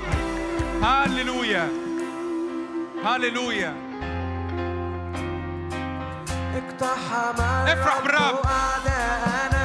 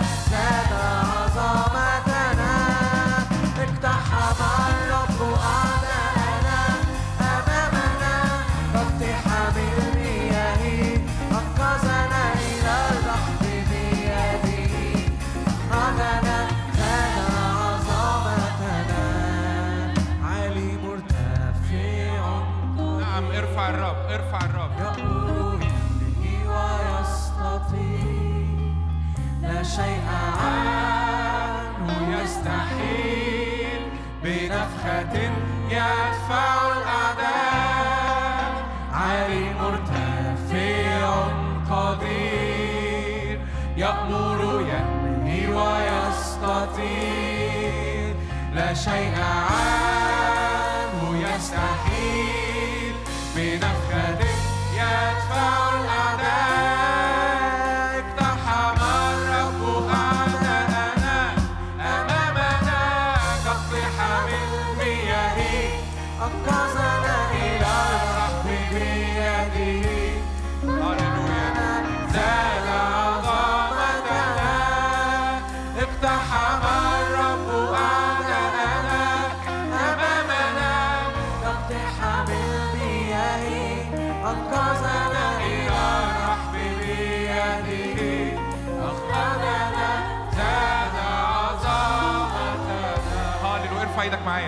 معايا هاللويا نعم ادي المجد للرب. هاللويا ارفع إيدك معايا قول يا رب شكرا شكرا شكرا لأنك أنقذت وتنقذ في اسم الرب يسوع. أنت حملت كل الأيام القديمة كل السنين القديمة. كل يا رب حاجة في حياتي أنت صنعتها. أنت جيت بيا لهذه السنة فمعنى كده أنت عندك مقاصد لحياتي كل السنين اللي جاية في اسم الرب يسوع.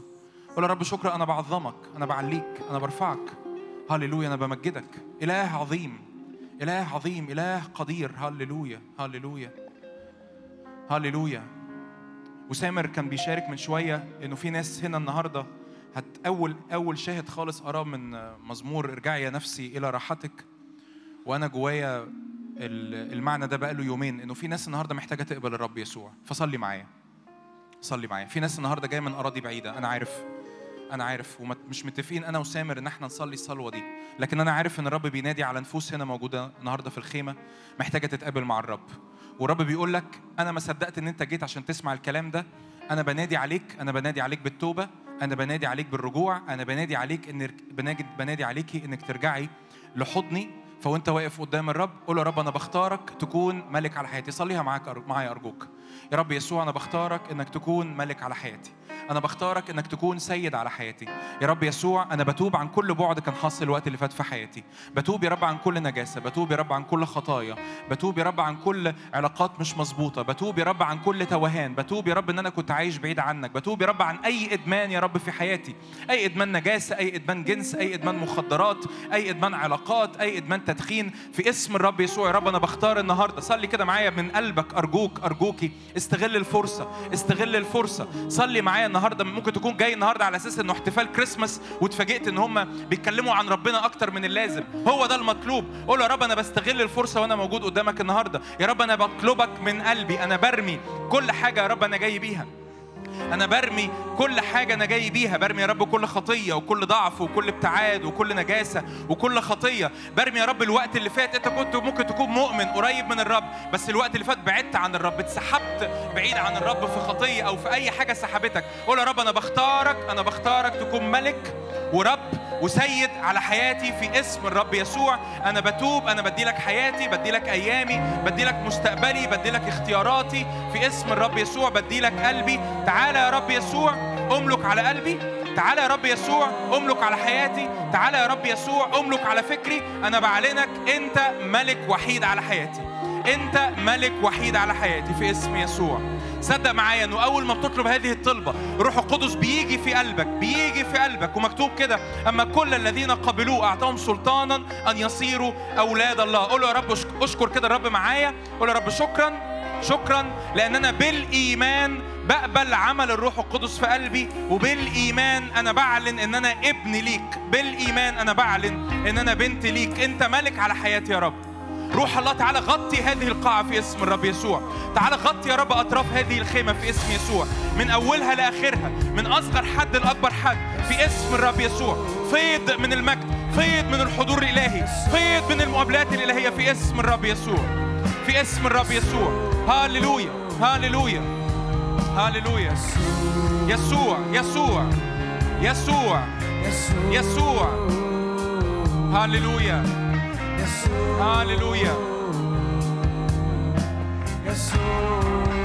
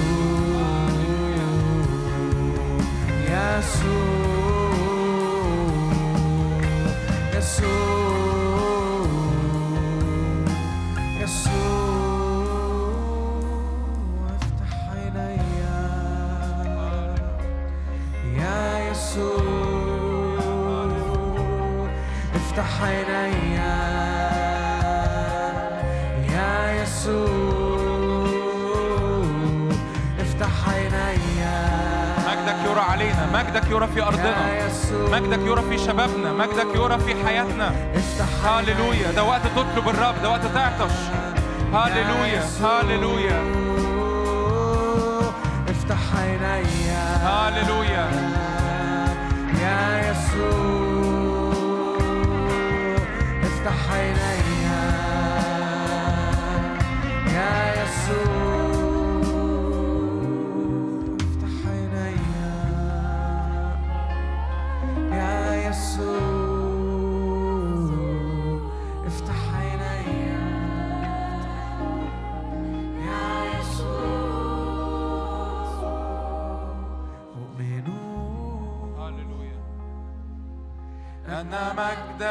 يملأ المكان. شيء عظيم يحدث الآن. الروح يتحرك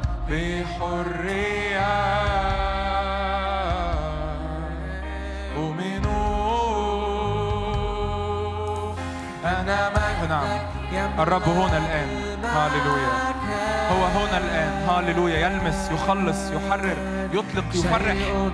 هاليلويا. يحدث هاليلويا يشجع قلبك المكسور في اسم يسوع. هاليلويا. هاليلويا. حرية يتحرك. هاليلويا. أؤمنوا أعبد الرب. هاليلويا.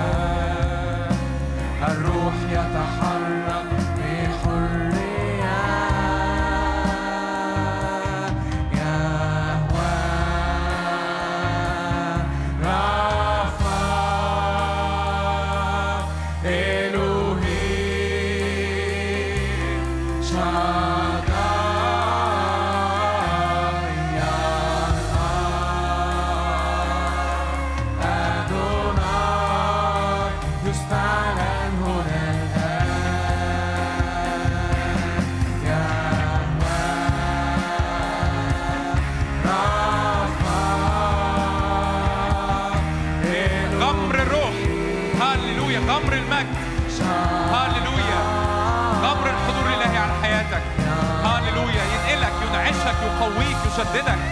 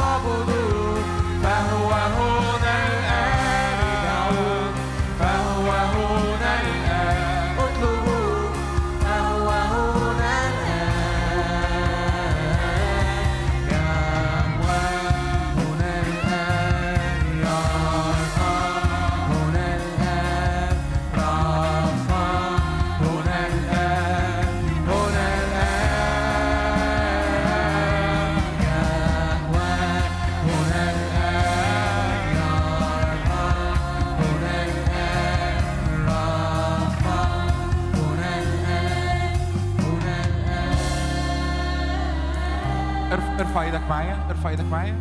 اتفق اتفاق مع الرب زي ما سامر قال. يا رب أنا مش هخرج النهارده زي ما جيت في اسم يسوع. أنا مش هخرج بص بص لازم تفهم حاجة كويس قوي. أنا مش أنا مش عايز اخرج النهارده مش عايز اخرج النهارده وأنا بقول كان احتفال لذيذ. أنا عايز اخرج النهارده وأنا بقول اتقابلت مع الرب. مين يقول آمين؟ لا عايز اسمعكم مين يقول آمين؟ آمين في اسم يسوع. قول يا رب أنا مش هخرج النهارده زي ما جيت في اسم يسوع. يا رب منتعش هخرج منتعش لأن روح القدس موجود. هخرج مبرأ هخرج متقابل معاك وجها لوجه في اسم الرب يسوع. هخرج محرر في اسم الرب يسوع. أنا بعلن قوة الروح القدس الآن تغطي هذه الخيمة في اسم الرب يسوع. أي ربط على حياتك تكسر أي سحر أي عيافة أي عرافة أي نجاسة أي مرض نفس في اسم يسوع في الجسد. في اسم الرب يسوع قوة الروح القدس تطلقك حر الآن في اسم الرب يسوع. قوة الروح القدس تطلقك حر الآن لأن الرب في هذا المكان. حقا إن الله في هذا المكان. إعلنها معايا. حقا إن الله في هذا المكان في اسم الرب يسوع. هاللويا هاللويا هاللويا هاللويا هاللويا. هو الآن نعم هنا الآن هنا الآن. نعلن أسماء الرب يهوى رفع هاللويا. يهوى يرأى هاللويا. اعبدوا فهو هنا. نعم هنا الآن هاللويا هاللويا.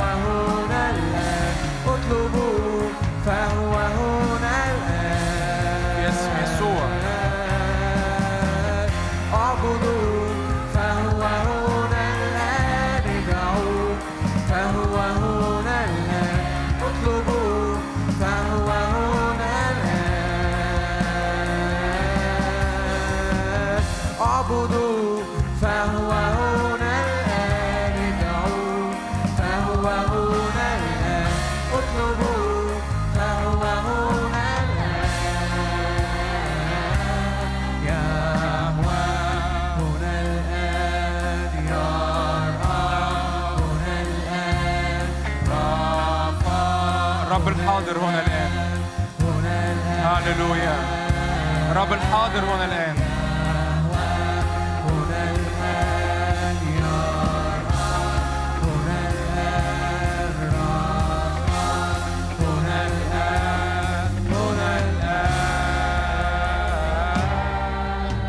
هاللويا يا رب نشكرك. كل أمر صنعته كل أمر تصنع في حياة كل حد هنا. في اسم الرب يسوع. أمين. أمين. اتفضل اقعد. هاللويا هاللويا هاللويا هاللويا مجدا للرب هاللويا هاللويا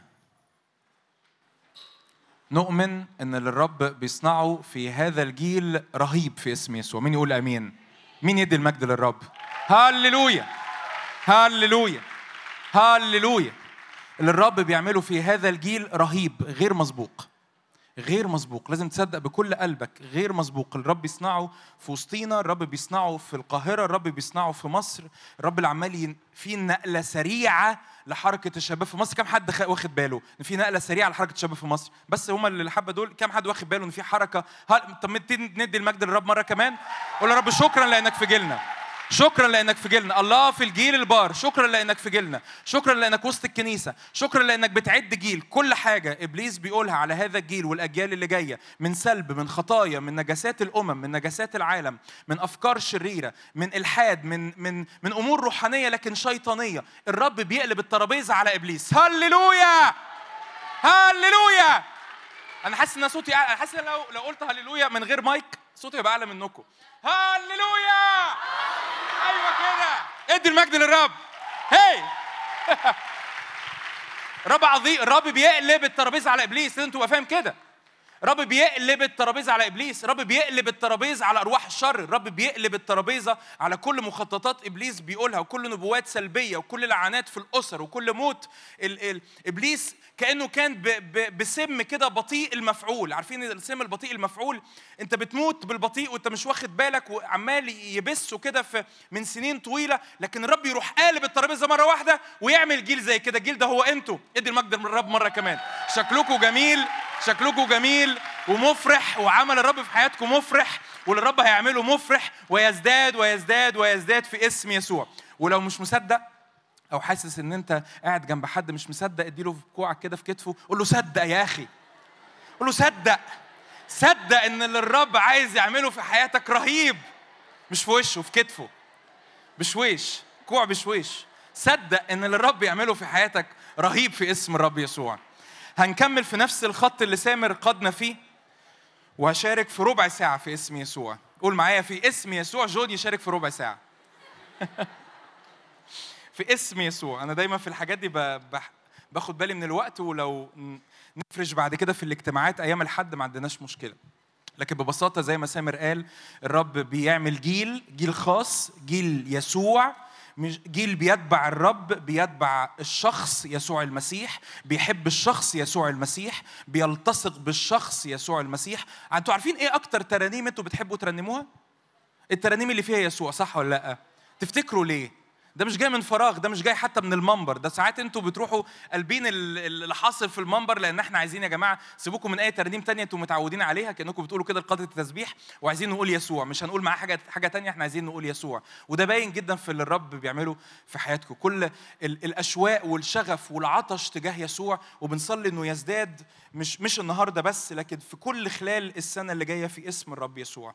الرب بيصنع هذا الجيل. هتكلم معاك في ثلاث عناوين سريعة لو معاك موبايلك اكتبهم ارجع اسمع المشاركات تاني بتاعت اليوم. قول يا رب أنا بحط ال ال ال ال الكلمات دي كده قدام عيني لأجل السنة اللي جاية لأن الرب يصنعهم في حياتك السنة اللي جاية. أول حاجة الرب حريص جدا جدا إن يقولها وسطينا في يوم زي كده هو خلي بالك من هويتك. خلي بالك من هويتك. في حرب شديدة على الهوية. في حرب شديدة على الهوية. في حرب شديدة على إدراك إن أنت ابن. على إدراك إن أنا ابن الله. على إدراك إن أنا ليا مواريث في المسيح يسوع. على إدراك إن أنا بار. على إدراك إن أنا مقدس. على إدراك إن أنا مدعو. على إدراك إن أنا ليا قيمة. عارفين إيه اللي يحصل أول ما إبليس يسرق منك الهوية؟ يسرق منك قيمة حياتك. حياتك هي بلا قيمة. لأن أنا لو مش عارف أنا مين فأنا مش عارف أنا عايش ليه أنا مش عارف أنا موجود ليه أنا مش عارف أنا بعمل إيه ممكن أتخرج من الكلية وأشتغل وبعدين آه، بعد الشر يعني أعدي بمواسم اكتئاب وأعدي بمواسم سلب والدنيا تبقى سودة وأحس إن بما إن الحياة ملهاش قيمة وأنا ملياش قيمة ومفيش حاجة ليها قيمة طب ما خلاص بقى ما نفضها سيرة من التعب والألم ده. اللي يحفظك إنك تستمر مع الرب واللي يحفظ شبابك واللي يحفظ أيامك واللي يحفظ مستقبلك هو إدراك أنت مين في المسيح. كم حد هنا عارف هو مين في المسيح؟ يا قليلين قوي. كم حد عارف هنا هو مين في المسيح؟ لا تجاوب معايا. أيوه. أنا عارف إن أنا ابن. أنا عارف إن أنا محبوب. أنا عارف إن أنا غالي. أنا عارف إن أنا بار. أنا عارف إن أنا مقدس. أنا عارف إن أنا نور. أنا عارف إن أنا ملح. أنا عارف إن أنا بتبع يسوع المسيح. بتبع الملك. هؤلاء هم الذين يتبعون الخروف أينما ذهب. ده إدراك جيل يسوع.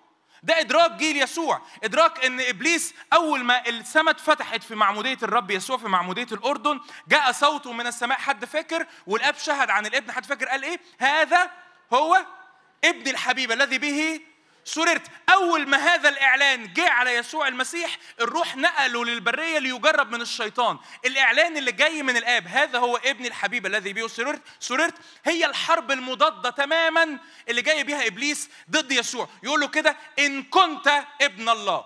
يعني إيه؟ يعني بيشككوا في إيه؟ في هويته بيشككوا في إعلان الهوية اللي الآب أعلنها وده اللي إبليس كان بيعمله طول السنة اللي فاتت وهيفضل أنا يعني عايز أطمنك هيفضل يحاول يعمله. لكن من حكمة الرب الرب يقول لنا كده في رسالة كورنثوس لأننا لا نجهل أفكاره نحن لا نجهل أفكار العدو مجدا للرب. أول ما إبليس يترمي جواك أسئلة أسئلة هو انت انت بجد يعني بتحب ربنا؟ انت بجد يعني بتحب ربنا؟ انت بجد يعني ابن؟ انت بجد في دعوة على حياتك؟ انت بجد يعني في هدف؟ انت بجد يعني الكراسة اللي انت بتاخد فيها خلوتك وبتكتب آيات من الكتاب المقدس وبتكتب صور وبتكتب صلوات والرب قال لك أنا هعمل بيك كذا وهعمل بيك كذا وهعمل بيك كذا وأخليك مؤثر في جيلك وأخليك مؤثر في كليتك وأخليك مؤثر في مدرستك وخليك مؤثر في شغلك ومؤثر في بيتك وبتصلي لأجل بابا وماما عشان يعرفوا الرب وبتصلي لأجل أخوك الكبير ولا أختك عشان تعرف الرب ويجي يجي يشكك يقول لك لا لا لا ما تصدقش ولا حاجة من دي. قول له آه، معلش العب غيرها أصل أصل في الاحتفال بتاع راس السنة إحنا عارفين إن إحنا هنتحارب في الهوية فأنا بثبت أكتر في الهوية. زي ما كان سامر بيكلمنا أنا هختار إني أثبت في الحق في اسم يسوع. أنا اختار إني أثبت في الحق. أنا اختار إني أحب الرب أكتر. أنا اختار إني أقعد قدام الكلمة والهج في الكلمة وأطلع الإعلام من الكلمة وأطلع الدسم من الكلمة وقدام كل حاجة بتقول لي كاذبة. بتقول لي إن الله مش بيحبني. أو في رب أقول له رب شكرا لأنه ليس لأحد حب أعظم من هذا أن يضع أحد نفسه لأجل أحبائه. شكرا لأني محبوب. كل حاجة حواليا بتقول لي إن البر وحياة القداسة بعيدة عني. أقول له يا رب شكرا شكرا لأن جعل الذي لم يعرف خطية خطية لأجلنا لنصير نحن. حد عارف الآية؟ بر الله فيه هاليلويا. كل حاجة بتقول لي إن أنت حياتك ملهاش معنى مستقبلك ملوش معنى. بص بص انهي الألم اللي أنت فيه انهي الموت انهي الحياة اللي أنت فيه. اختار إنك تنتحر أو تموت أو تأذي نفسك. وأنا بقول هنا لاي حد بيسمعني أو أي حد هيسمعني أو أي حد بيتفرج على ال streaming لو ده أنت في اسم الرب يسوع. أنا بكسر روح الموت اللي على حياتك في اسم يسوع. أه بكسر روح الموت على هذا الجيل في اسم الرب يسوع. دي حاجة بص أنا أنا لو حكيت لك لو قعدت بس هتحكي معايا كده 1 تو 1 واحكي لك كم القصص اللي الرب افتداها من محاولات انتحار خلال السنين اللي جاية غير عادي. مين يدي المجد للرب؟ غير عادي غير عادي غير عادي. بص يعني أقولها لك أقولها لك كده بالمفتشي أقولها لك كده بالمفتشي. مفيش واحد جه قال أنا عايز انتحر انتحر. مين يقول هللويا؟ هللويا! لأنه إله الحياة أقوى أقوى بكتير من إله الموت. إله الحياة أقوى بك- بكتير من إله هذا الدهر. لو انت تعرف حد فقد المعنى فقد القيمة فقد الهدف في الحياة قول له يا رب صلي له قول له يا رب اعلن له هويته اعلن له انه ابن مختار انه ابن محبوب الرب يتقابل كده مع مع ارميا قبلما صورتك في البطن عرفتك قبلما أخرجتك من الرحم قدستك الرب بيقول لك كده انت ابن انت مدعو الآية تقول كده الذي خلصنا ودعانا دعوة مقدسة لا بمقتضى أعمالنا بل بمقتضى القصد والنعمه التي أعطيت لنا في المسيح يسوع قبل الأزمنة الأزلية. ارفع إيدك كده معايا وأنت قاعد مكانك قول يا رب شكرا لأني ابن. صلي معايا. آه، عايز أسمع صوتك. شكرا لأني ابن. شكرا لأني محبوب. شكرا لأني بار. شكرا لأني في المسيح. شكرا لأني مدعو. هللويا. هللويا. هللويا. النقطة الثانية شفتوا هنخلص بسرعة إزاي؟ النقطة الثانية هنطول فيها شوية. افتح معايا إشعيا 22 إيه أول نقطة؟ خلي بالك من هويتك. حافظ على هويتك. هيت... هي... هي... هيتم الحرب بشراسة على هويتك. كل محاولة إن أنت تقع في خطية كل محاولة إن أنت تتوه كل محاولات من إبليس إن أنت تتفشل. الهدف على فكرة مش بس إنك تتفشل. الهدف على فكرة مش بس إنك تقع في الخطية لكن ورا الخطية دي فخ أكبر. اسمه إيه؟ اسمه إنك تحيا بلا هوية تفقد هويتك. والرب عايز يثبتك في هويتك خلال السنة اللي جاية ضد كل حرب بتترمي على هذا الجيل في اسم يسوع. أمين؟ أمين؟ لا قول أمين معايا بإيمان. أمين؟ أم أيوه كده. أي أمين تاني أقل من كده مش عايزين نسمع النهارده. أمين؟ كل أمين تبقى بنفس القوة. افتح معايا اشعيا 22 عايزين نحفظ الاسم ده. الاسم ده اسمه إيه؟ اليقيم اشعيا 22 اسم غالي قوي. عايزين إيه؟ نحبه السنة دي وندر- وندرس عنه ونتعلم عنه. اسمه إيه الاسم ده؟ اليقيم ابن حلقية. يعني إيه اليقيم؟ اليقيم يعني الرب يقيم. حلقية يعني إيه؟ يعني الرب هو نصيبي. سهلة ولا صعبة؟ سهلة. في اسم يسوع سهلة. يعني إيه اليقيم؟ الرب إيه؟ يقيم. يعني الرب هو اللي يثبتك الرب هو اللي يعملك الرب هو اللي يحطك في المكان ده. يعني إيه حلقية؟ حلقية يعني الرب هو نصيبي. إيه قصة اليقيم ده؟ قصة اليقيم ده ببساطة مش لازم أفتح الآيات يعني هقرأ لك شوية آيات صغيرة. من اشعياء 22 اقرأ القصة لما تروح من عدد 15 لحد نهاية الإصحاح عدد 25 كان في واحد اسمه شبنة. شبنة ده يعني إيه؟ شبنة ده رمز لإيه؟ شبنة ده صورة لإيه؟ ده صورة لمحاولاتي أنا الجسدية إني أعيش مع الرب. بحاول أعيش مع الرب بحاول أعمل حاجات كويسة بحاول أبان قدام الناس بحاول أخدم بحاول أبقى محبوب بحاول أكتسب رضا الناس عني أو حب الناس ليا أحاول أبين إن أنا عندي حاجة كويسة ينفع أقدمها. الرب يقول لشبنة بص يا شبنة يعني بصراحة يعني أنا محتاجك تركن شوية تريح شوية لأن أنا عندي واحد بديل. البديل ده أنت؟ البديل ده مين؟ قول البديل ده مين؟ ده أنا أنا الجديد أنا الجديد. اسمه إيه البديل ده؟ اليقيم اليقيم ده قصته إيه؟ بص يقول لك اليقيم ده عدد عشرين. يكون في ذلك اليوم أدعو عبدي اليقيم ابن حلقية. ألبسه ثوبك وأشده بمنطقتك أجعل سلطانك في يده فيكون أبا لسكان أورشليم ولبيت يهوذا. أجعل مفتاح بيت داود على كتفه فيفتح وليس من يغلق ويغلق وليس من يفتح.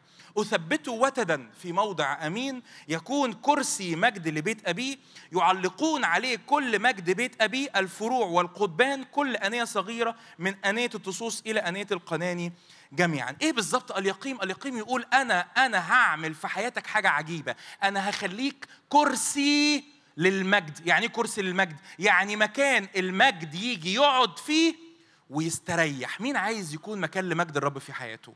في اسم يسوع.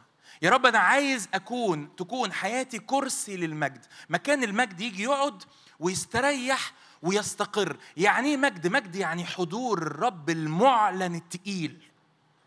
مجد يعني حضور الرب اللامع الواضح. تقول له يا رب أنا من خلال أنا خلال السنة اللي جاية في خلوتي وفي صلواتي وفي الاجتماعات وفي المؤتمرات أنا عطشان لهذا الإعلان. الإعلان ده اسمه إيه؟ اليقيم بس اليقيم ده بيعلن حاجتين. بيعلن مجد لكن كمان بيعلن مسؤولية. تاني؟ اليقيم ده بيعلن إيه؟ رد عليا. بيعلن إيه؟ بيعلن إيه؟ مجد. وتاني حاجة إيه؟ مسؤولية. يقول لك كده أنا أجعله كرسي مجد. أنا جاي أستقر في حياة هذا اليقيم أنا هاجي أحط من مجدي أحط من سكيبي أحط من فرحي أحط من مسحتي. تبقى نور وملح. عشان تطلق في جامعتك عشان تطلق في مدرستك عشان تطلق في كليتك عشان تطلق في شغلك وتكون وتد أمين يعلقون عليه يقول كده كل مجد بيت أبي يعني إيه كل مجد بيت أبي؟ كل أحمال موجودة حوالينا العالم مليان أحمال. أنت ممكن تكون بتحضر اجتماعات أو بتصلي أو بتاخد خلوتك وتقول أنا عندي أحمال الرب يقول لك أيوه أنت عندك أحمال بس العالم اللي حواليك مليان أحمال كتيرة جدا. بس الفرق خلي بالك الفرق اللي ما بينك أنت يا مؤمن يا مؤمنة يا اللي تعرفي الرب يا اللي تعرف الرب. وما بين العالم الناس اللي بره اللي عندهم أحمال إن أنت تعرف الرب. هم ما يعرفوش الرب. إن أنت كرسي للمجد هم مش كرسي للمجد. إن أنت الرب موجود في حياتك. زي ما كنا بنصلي إنه أنقذني الرب من فم الأسد وسينقذني من كل عمل رديء ويخلصني لمجد لمجد ملكوته السماوي. الناس اللي في الشارع ما يقدروش يقولوا هذا التعبير. ممكن يقولوا آه ربنا أنقذني من شرور. بس هل يقدر يقول أنا متأكد إن ربنا هينقذني من كل عمل رديء؟ ما يقدروش. هل هل أي حد في الشارع أو أي حد مش مؤمن أو أي حد ما يعرفش الرب يقدر يقول ان سرت في وادي ظل الموت لا أخاف شرا لأنك أنت معي؟ كم حد هنا يقدر يقول ان سرت في وادي ظل الموت لا أخاف شرا؟ هللويا! ده خبر رائع. طب ده معناه إيه؟ معناه إن حضرتك مكان الرب معلن فيه. الرب يريد أن يسكن. بس الرب يريد أن يسكن يسكب مجده. لأنه بعد ما يسكب مجده يروح حط على حياتك. ها؟ قول معايا يحط على حياتك إيه؟ مسؤولية. يحط على حياتك إيه؟ مسؤولية. يقول لك تعالى بقى أنت اختبرت مجدي؟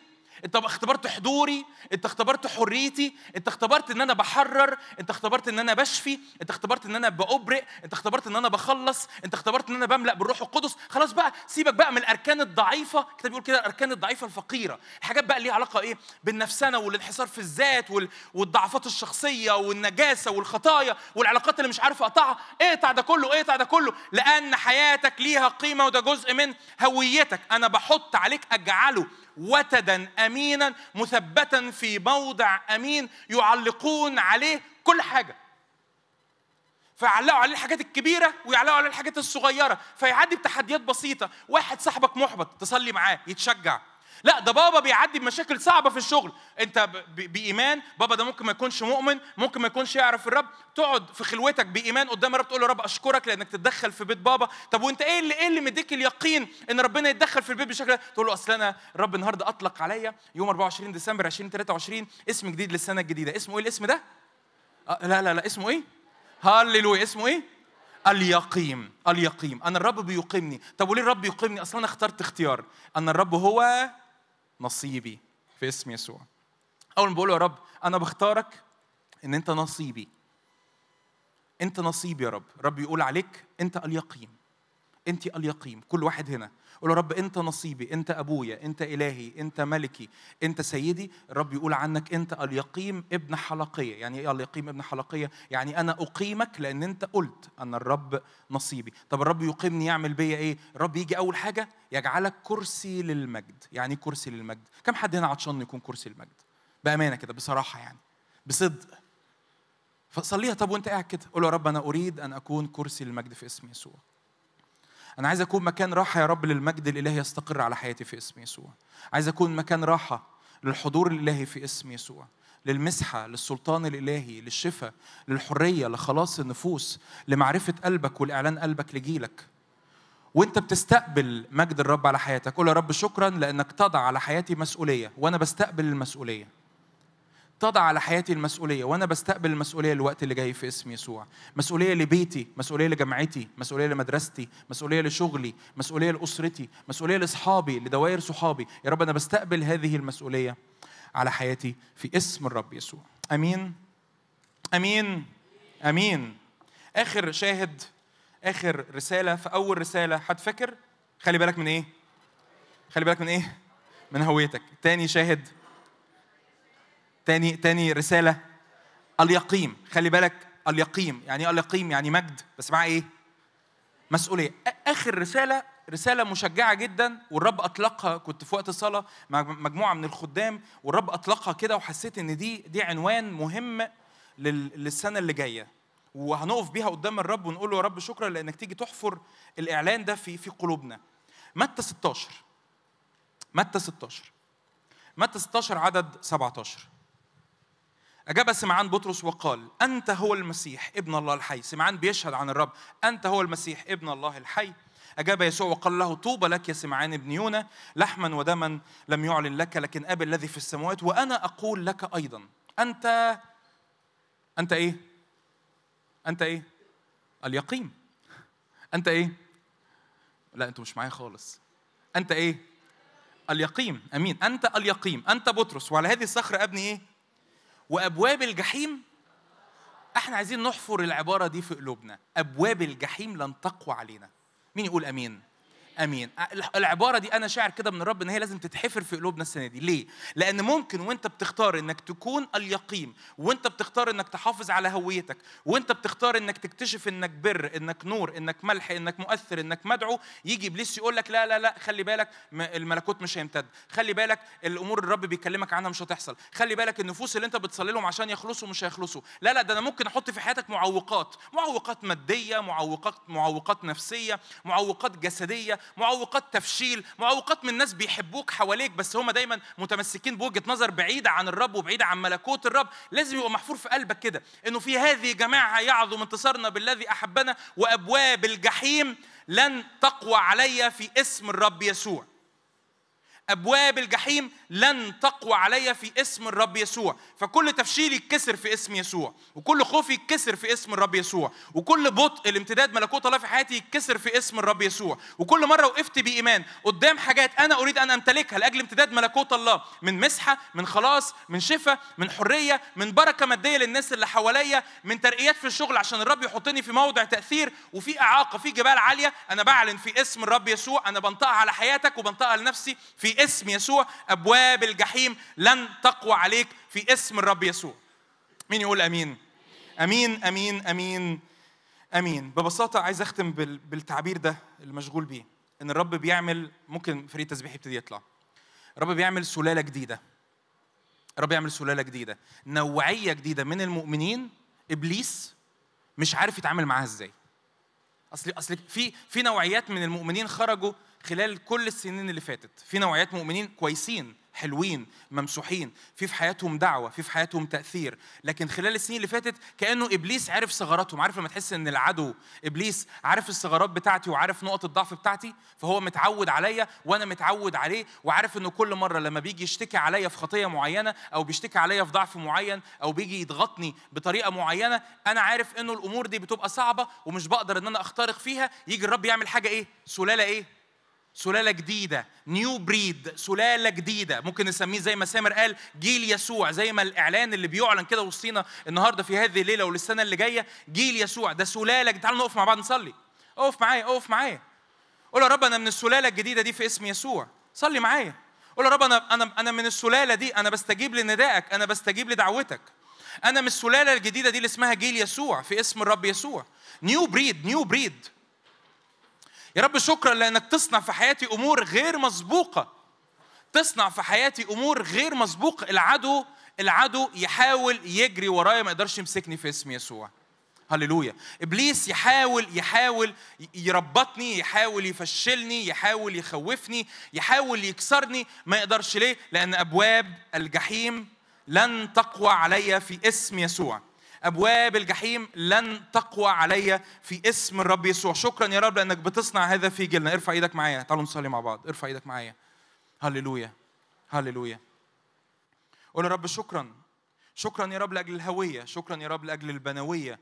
شكرا يا رب لأني ابن لأني ملك لأني كاهن لأني مدعو لأني مخصص لتبعيتك مخصص للنار مخصص للقداسة. مخصص يا رب أن أسير وراءك في اسم الرب يسوع. صلي معايا كده. صلي معايا ارفع إيدك بإيمان. أي حرب على هويتي يا رب كانت حصل الوقت اللي فات في اسم يسوع بسبب المسحة الجماعية اللي موجودة وسطينا. في اسم يسوع تتكسر الآن في اسم يسوع. صلي معايا. صلي معايا. في اسم الرب يسوع أي حرب أي حرب أي حرب على نفسيتي أي حرب على مشاعري أي حرب على هويتي أي حرب على إدراكي أنا مين في المسيح أي حرب على بري أي حرب على تبعيتي. صلي أرجوك ده وقت نصلي فيه وقت محتاج تصلي فيه قدام الرب. يا رب أي حرب كانت حصر على الهوية الوقت اللي فات في اسم يسوع في اسم يسوع تتكسر على حياتي الآن في اسم رب يسوع. أنا ابن اعلن معايا أنا ابن أنا ملك أنا كاهن أنا مقدس أنا مدعو أنا مخصص للرب في اسم الرب يسوع. أنا ابن أنا ملك أنا كاهن أنا مدعو أنا مخصص للرب أنا مقدس للرب أنا بتاع الرب في اسم الرب يسوع. هللويا هللويا. قول يا رب شكرا لأنك تطلق هوية اليقين في حياتي. كرسي للمجد كرسي للمجد. مكان لاستقرار المجد مكان لسكن المجد في اسم يسوع. مكان تأتي وتستقر وتسترح وتسكن وتعلن نفسك فيا تعلن نفسك من خلالي لآخرين. صلي ده وقت تصلي لأجل جامعتك صلي لأجل بيتك صلي لأجل دوائر تأثيرك في اسم يسوع. قول يا رب أنا بعلن إن أنا اليقيم لكثيرين.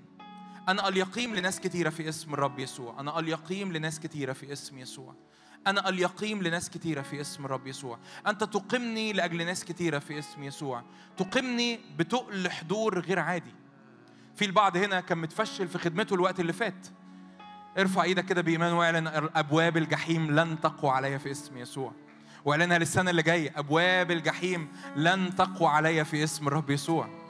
الرب يقيمني في موضع وتدا ثابتا أمينا في اسم يسوع. الرب يقيمني وتدا ثابتا أمينا في اسم الرب يسوع. مكان لإعلان مجده مكان لإعلان نوره مكان لإعلان سكيب الروح القدس لكثيرين وكثيرين وكثيرين من الدوائر اللي حواليا في اسم الرب يسوع. يا رب بيتي يعلن فيه اليقين بيتي يعلن فيه مجدك دراستي يعلن فيه مجدك شغلي يعلن فيه مجدك في اسم الرب يسوع. صحابي يعلن في مجدك في اسم الرب يسوع. يا رب الدوائر القديمة من من قرايب أو عائلات أو أصدقاء ما يعرفوش الرب. يا رب أنا بعلن إن مجدك يستقر على حياتي ويعلن في هذه الدوائر. صلي معايا. صلي معايا أرجوك. يا رب أنا بعلن إن مجدك يستقر على حياتي ويعلن في هذه الدوائر في اسم الرب يسوع. مجدك يستقر على حياتي ويعلن في هذه الدوائر في اسم الرب يسوع. هللويا. هللويا. هللويا. هللويا. هاليلويا. أه بصلي كده الرب يقيمك من كل ضعف في اسم يسوع. رب يقيمك من كل تفشيل رب يقيمك من كل خزي رب بيقيمك من كل مجهودات جسدية. شبنا هو المجهود الجسدي. إحساس إن أنا بحاول وبحاول وبحاول ومفيش نتيجة. رب يقيمك من هذه الحالة في اسم الرب يسوع.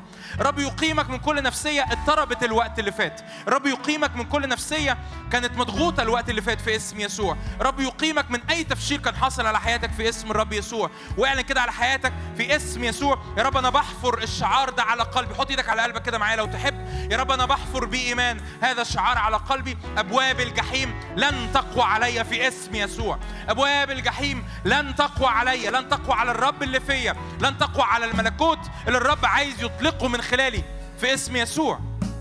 أبواب الجحيم لن تقوى لن تقوى على المسحة لن تقوى على السلطان لن تقوى على الكنيسة لن تقوى على هذا الجيل لن تقوى على مسحة الرب في حياتك لن تقوى على هوية الرب اللي بيطلقها فيك لن تقوى على يسوع القائم من الأموات اللي معلن فيك في اسم الرب يسوع. أبواب الجحيم لا تستطيع أن تقف أمام الروح القدس اللي فيك في اسم الرب يسوع. أبواب الجحيم لا تستطيع أن تقف جيش للرب مليان بر مليان قداسة مليان نور مليان خلاص مليان مسحة مليان محبة للنفوس في اسم الرب يسوع. أبواب الجحيم أبواب الجحيم. الرب يبني كنيسته رب يبني بيته رب يبني هيكله وهيكله نحن. وأبواب الجحيم لن تقوى علينا في اسم الرب يسوع. ادي المجد للرب أرجوك.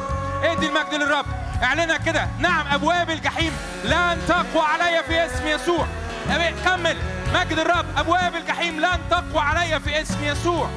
أبواب الجحيم لن تقوى علي في اسم يسوع. يحاربونني ولا يقدرون علي. يحاربونني ولا يقدرون علي. خلي بالك أنا مش بقول لك إن مش هيبقى في حرب. لا هيبقى في حروب هيبقى في مقاومة هيبقى في تفشيل. لكن أبواب الجحيم لن تقوى عليك في اسم يسوع.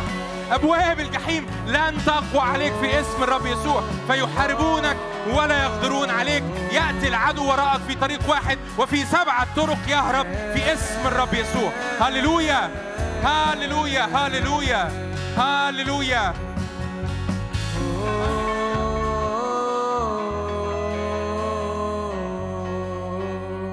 شعب الرب يساد ليس من يخيفه لا يرغبه عدو ولا يذلله. شعب الرب يساد ليس من يخيفه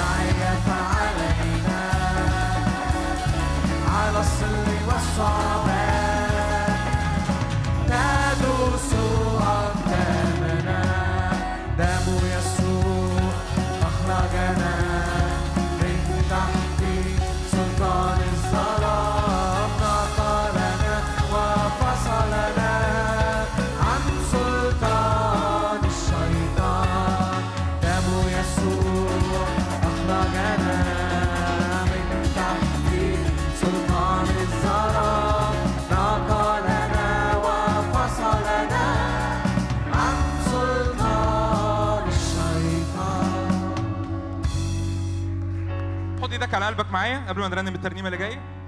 أنا لأن أنا أنا شايف المشهد ده. يا رب احفر أحفر هذا الإعلان. أبواب الجحيم لن تقوى علي في اسم يسوع.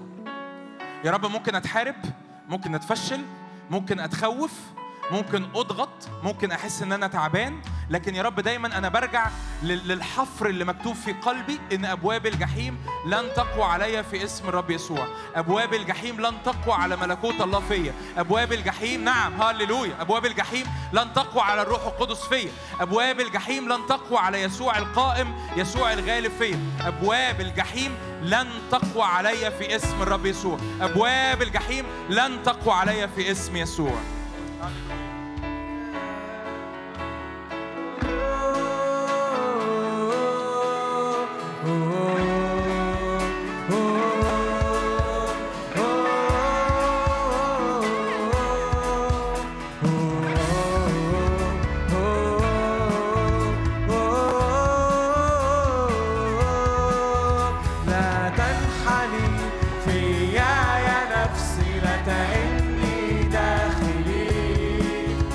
بل انظري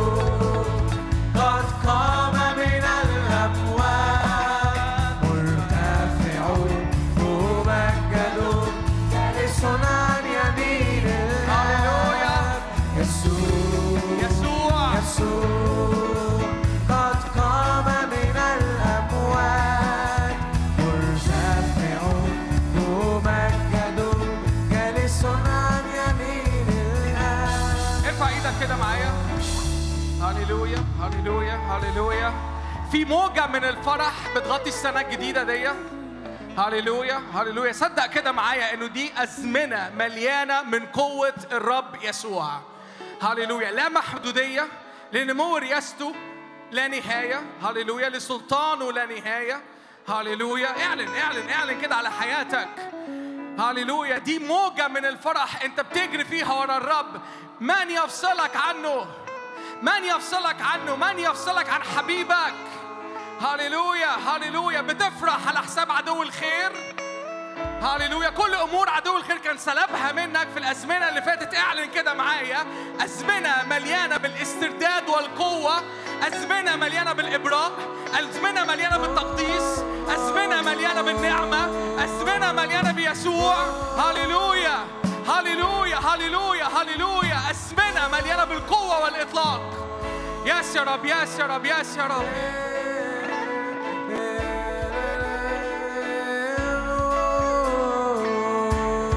حرك صوتك كده كبوق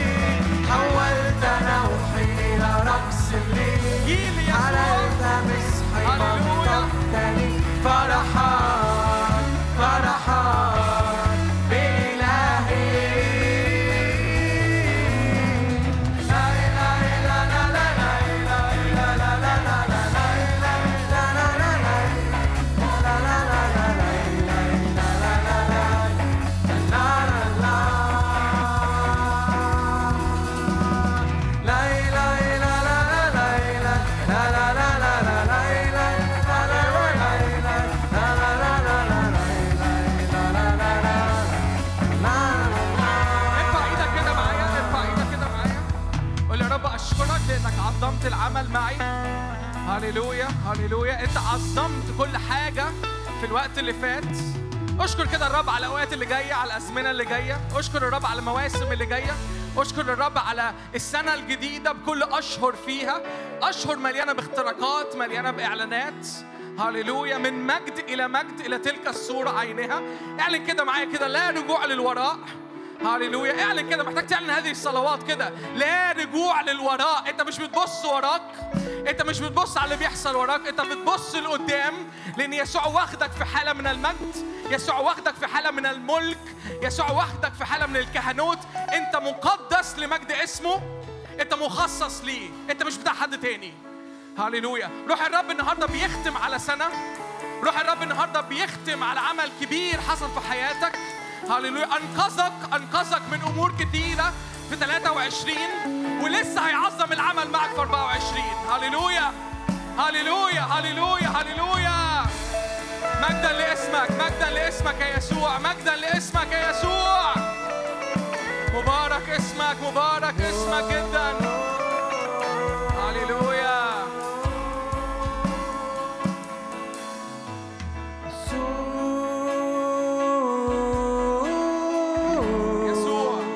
يسوع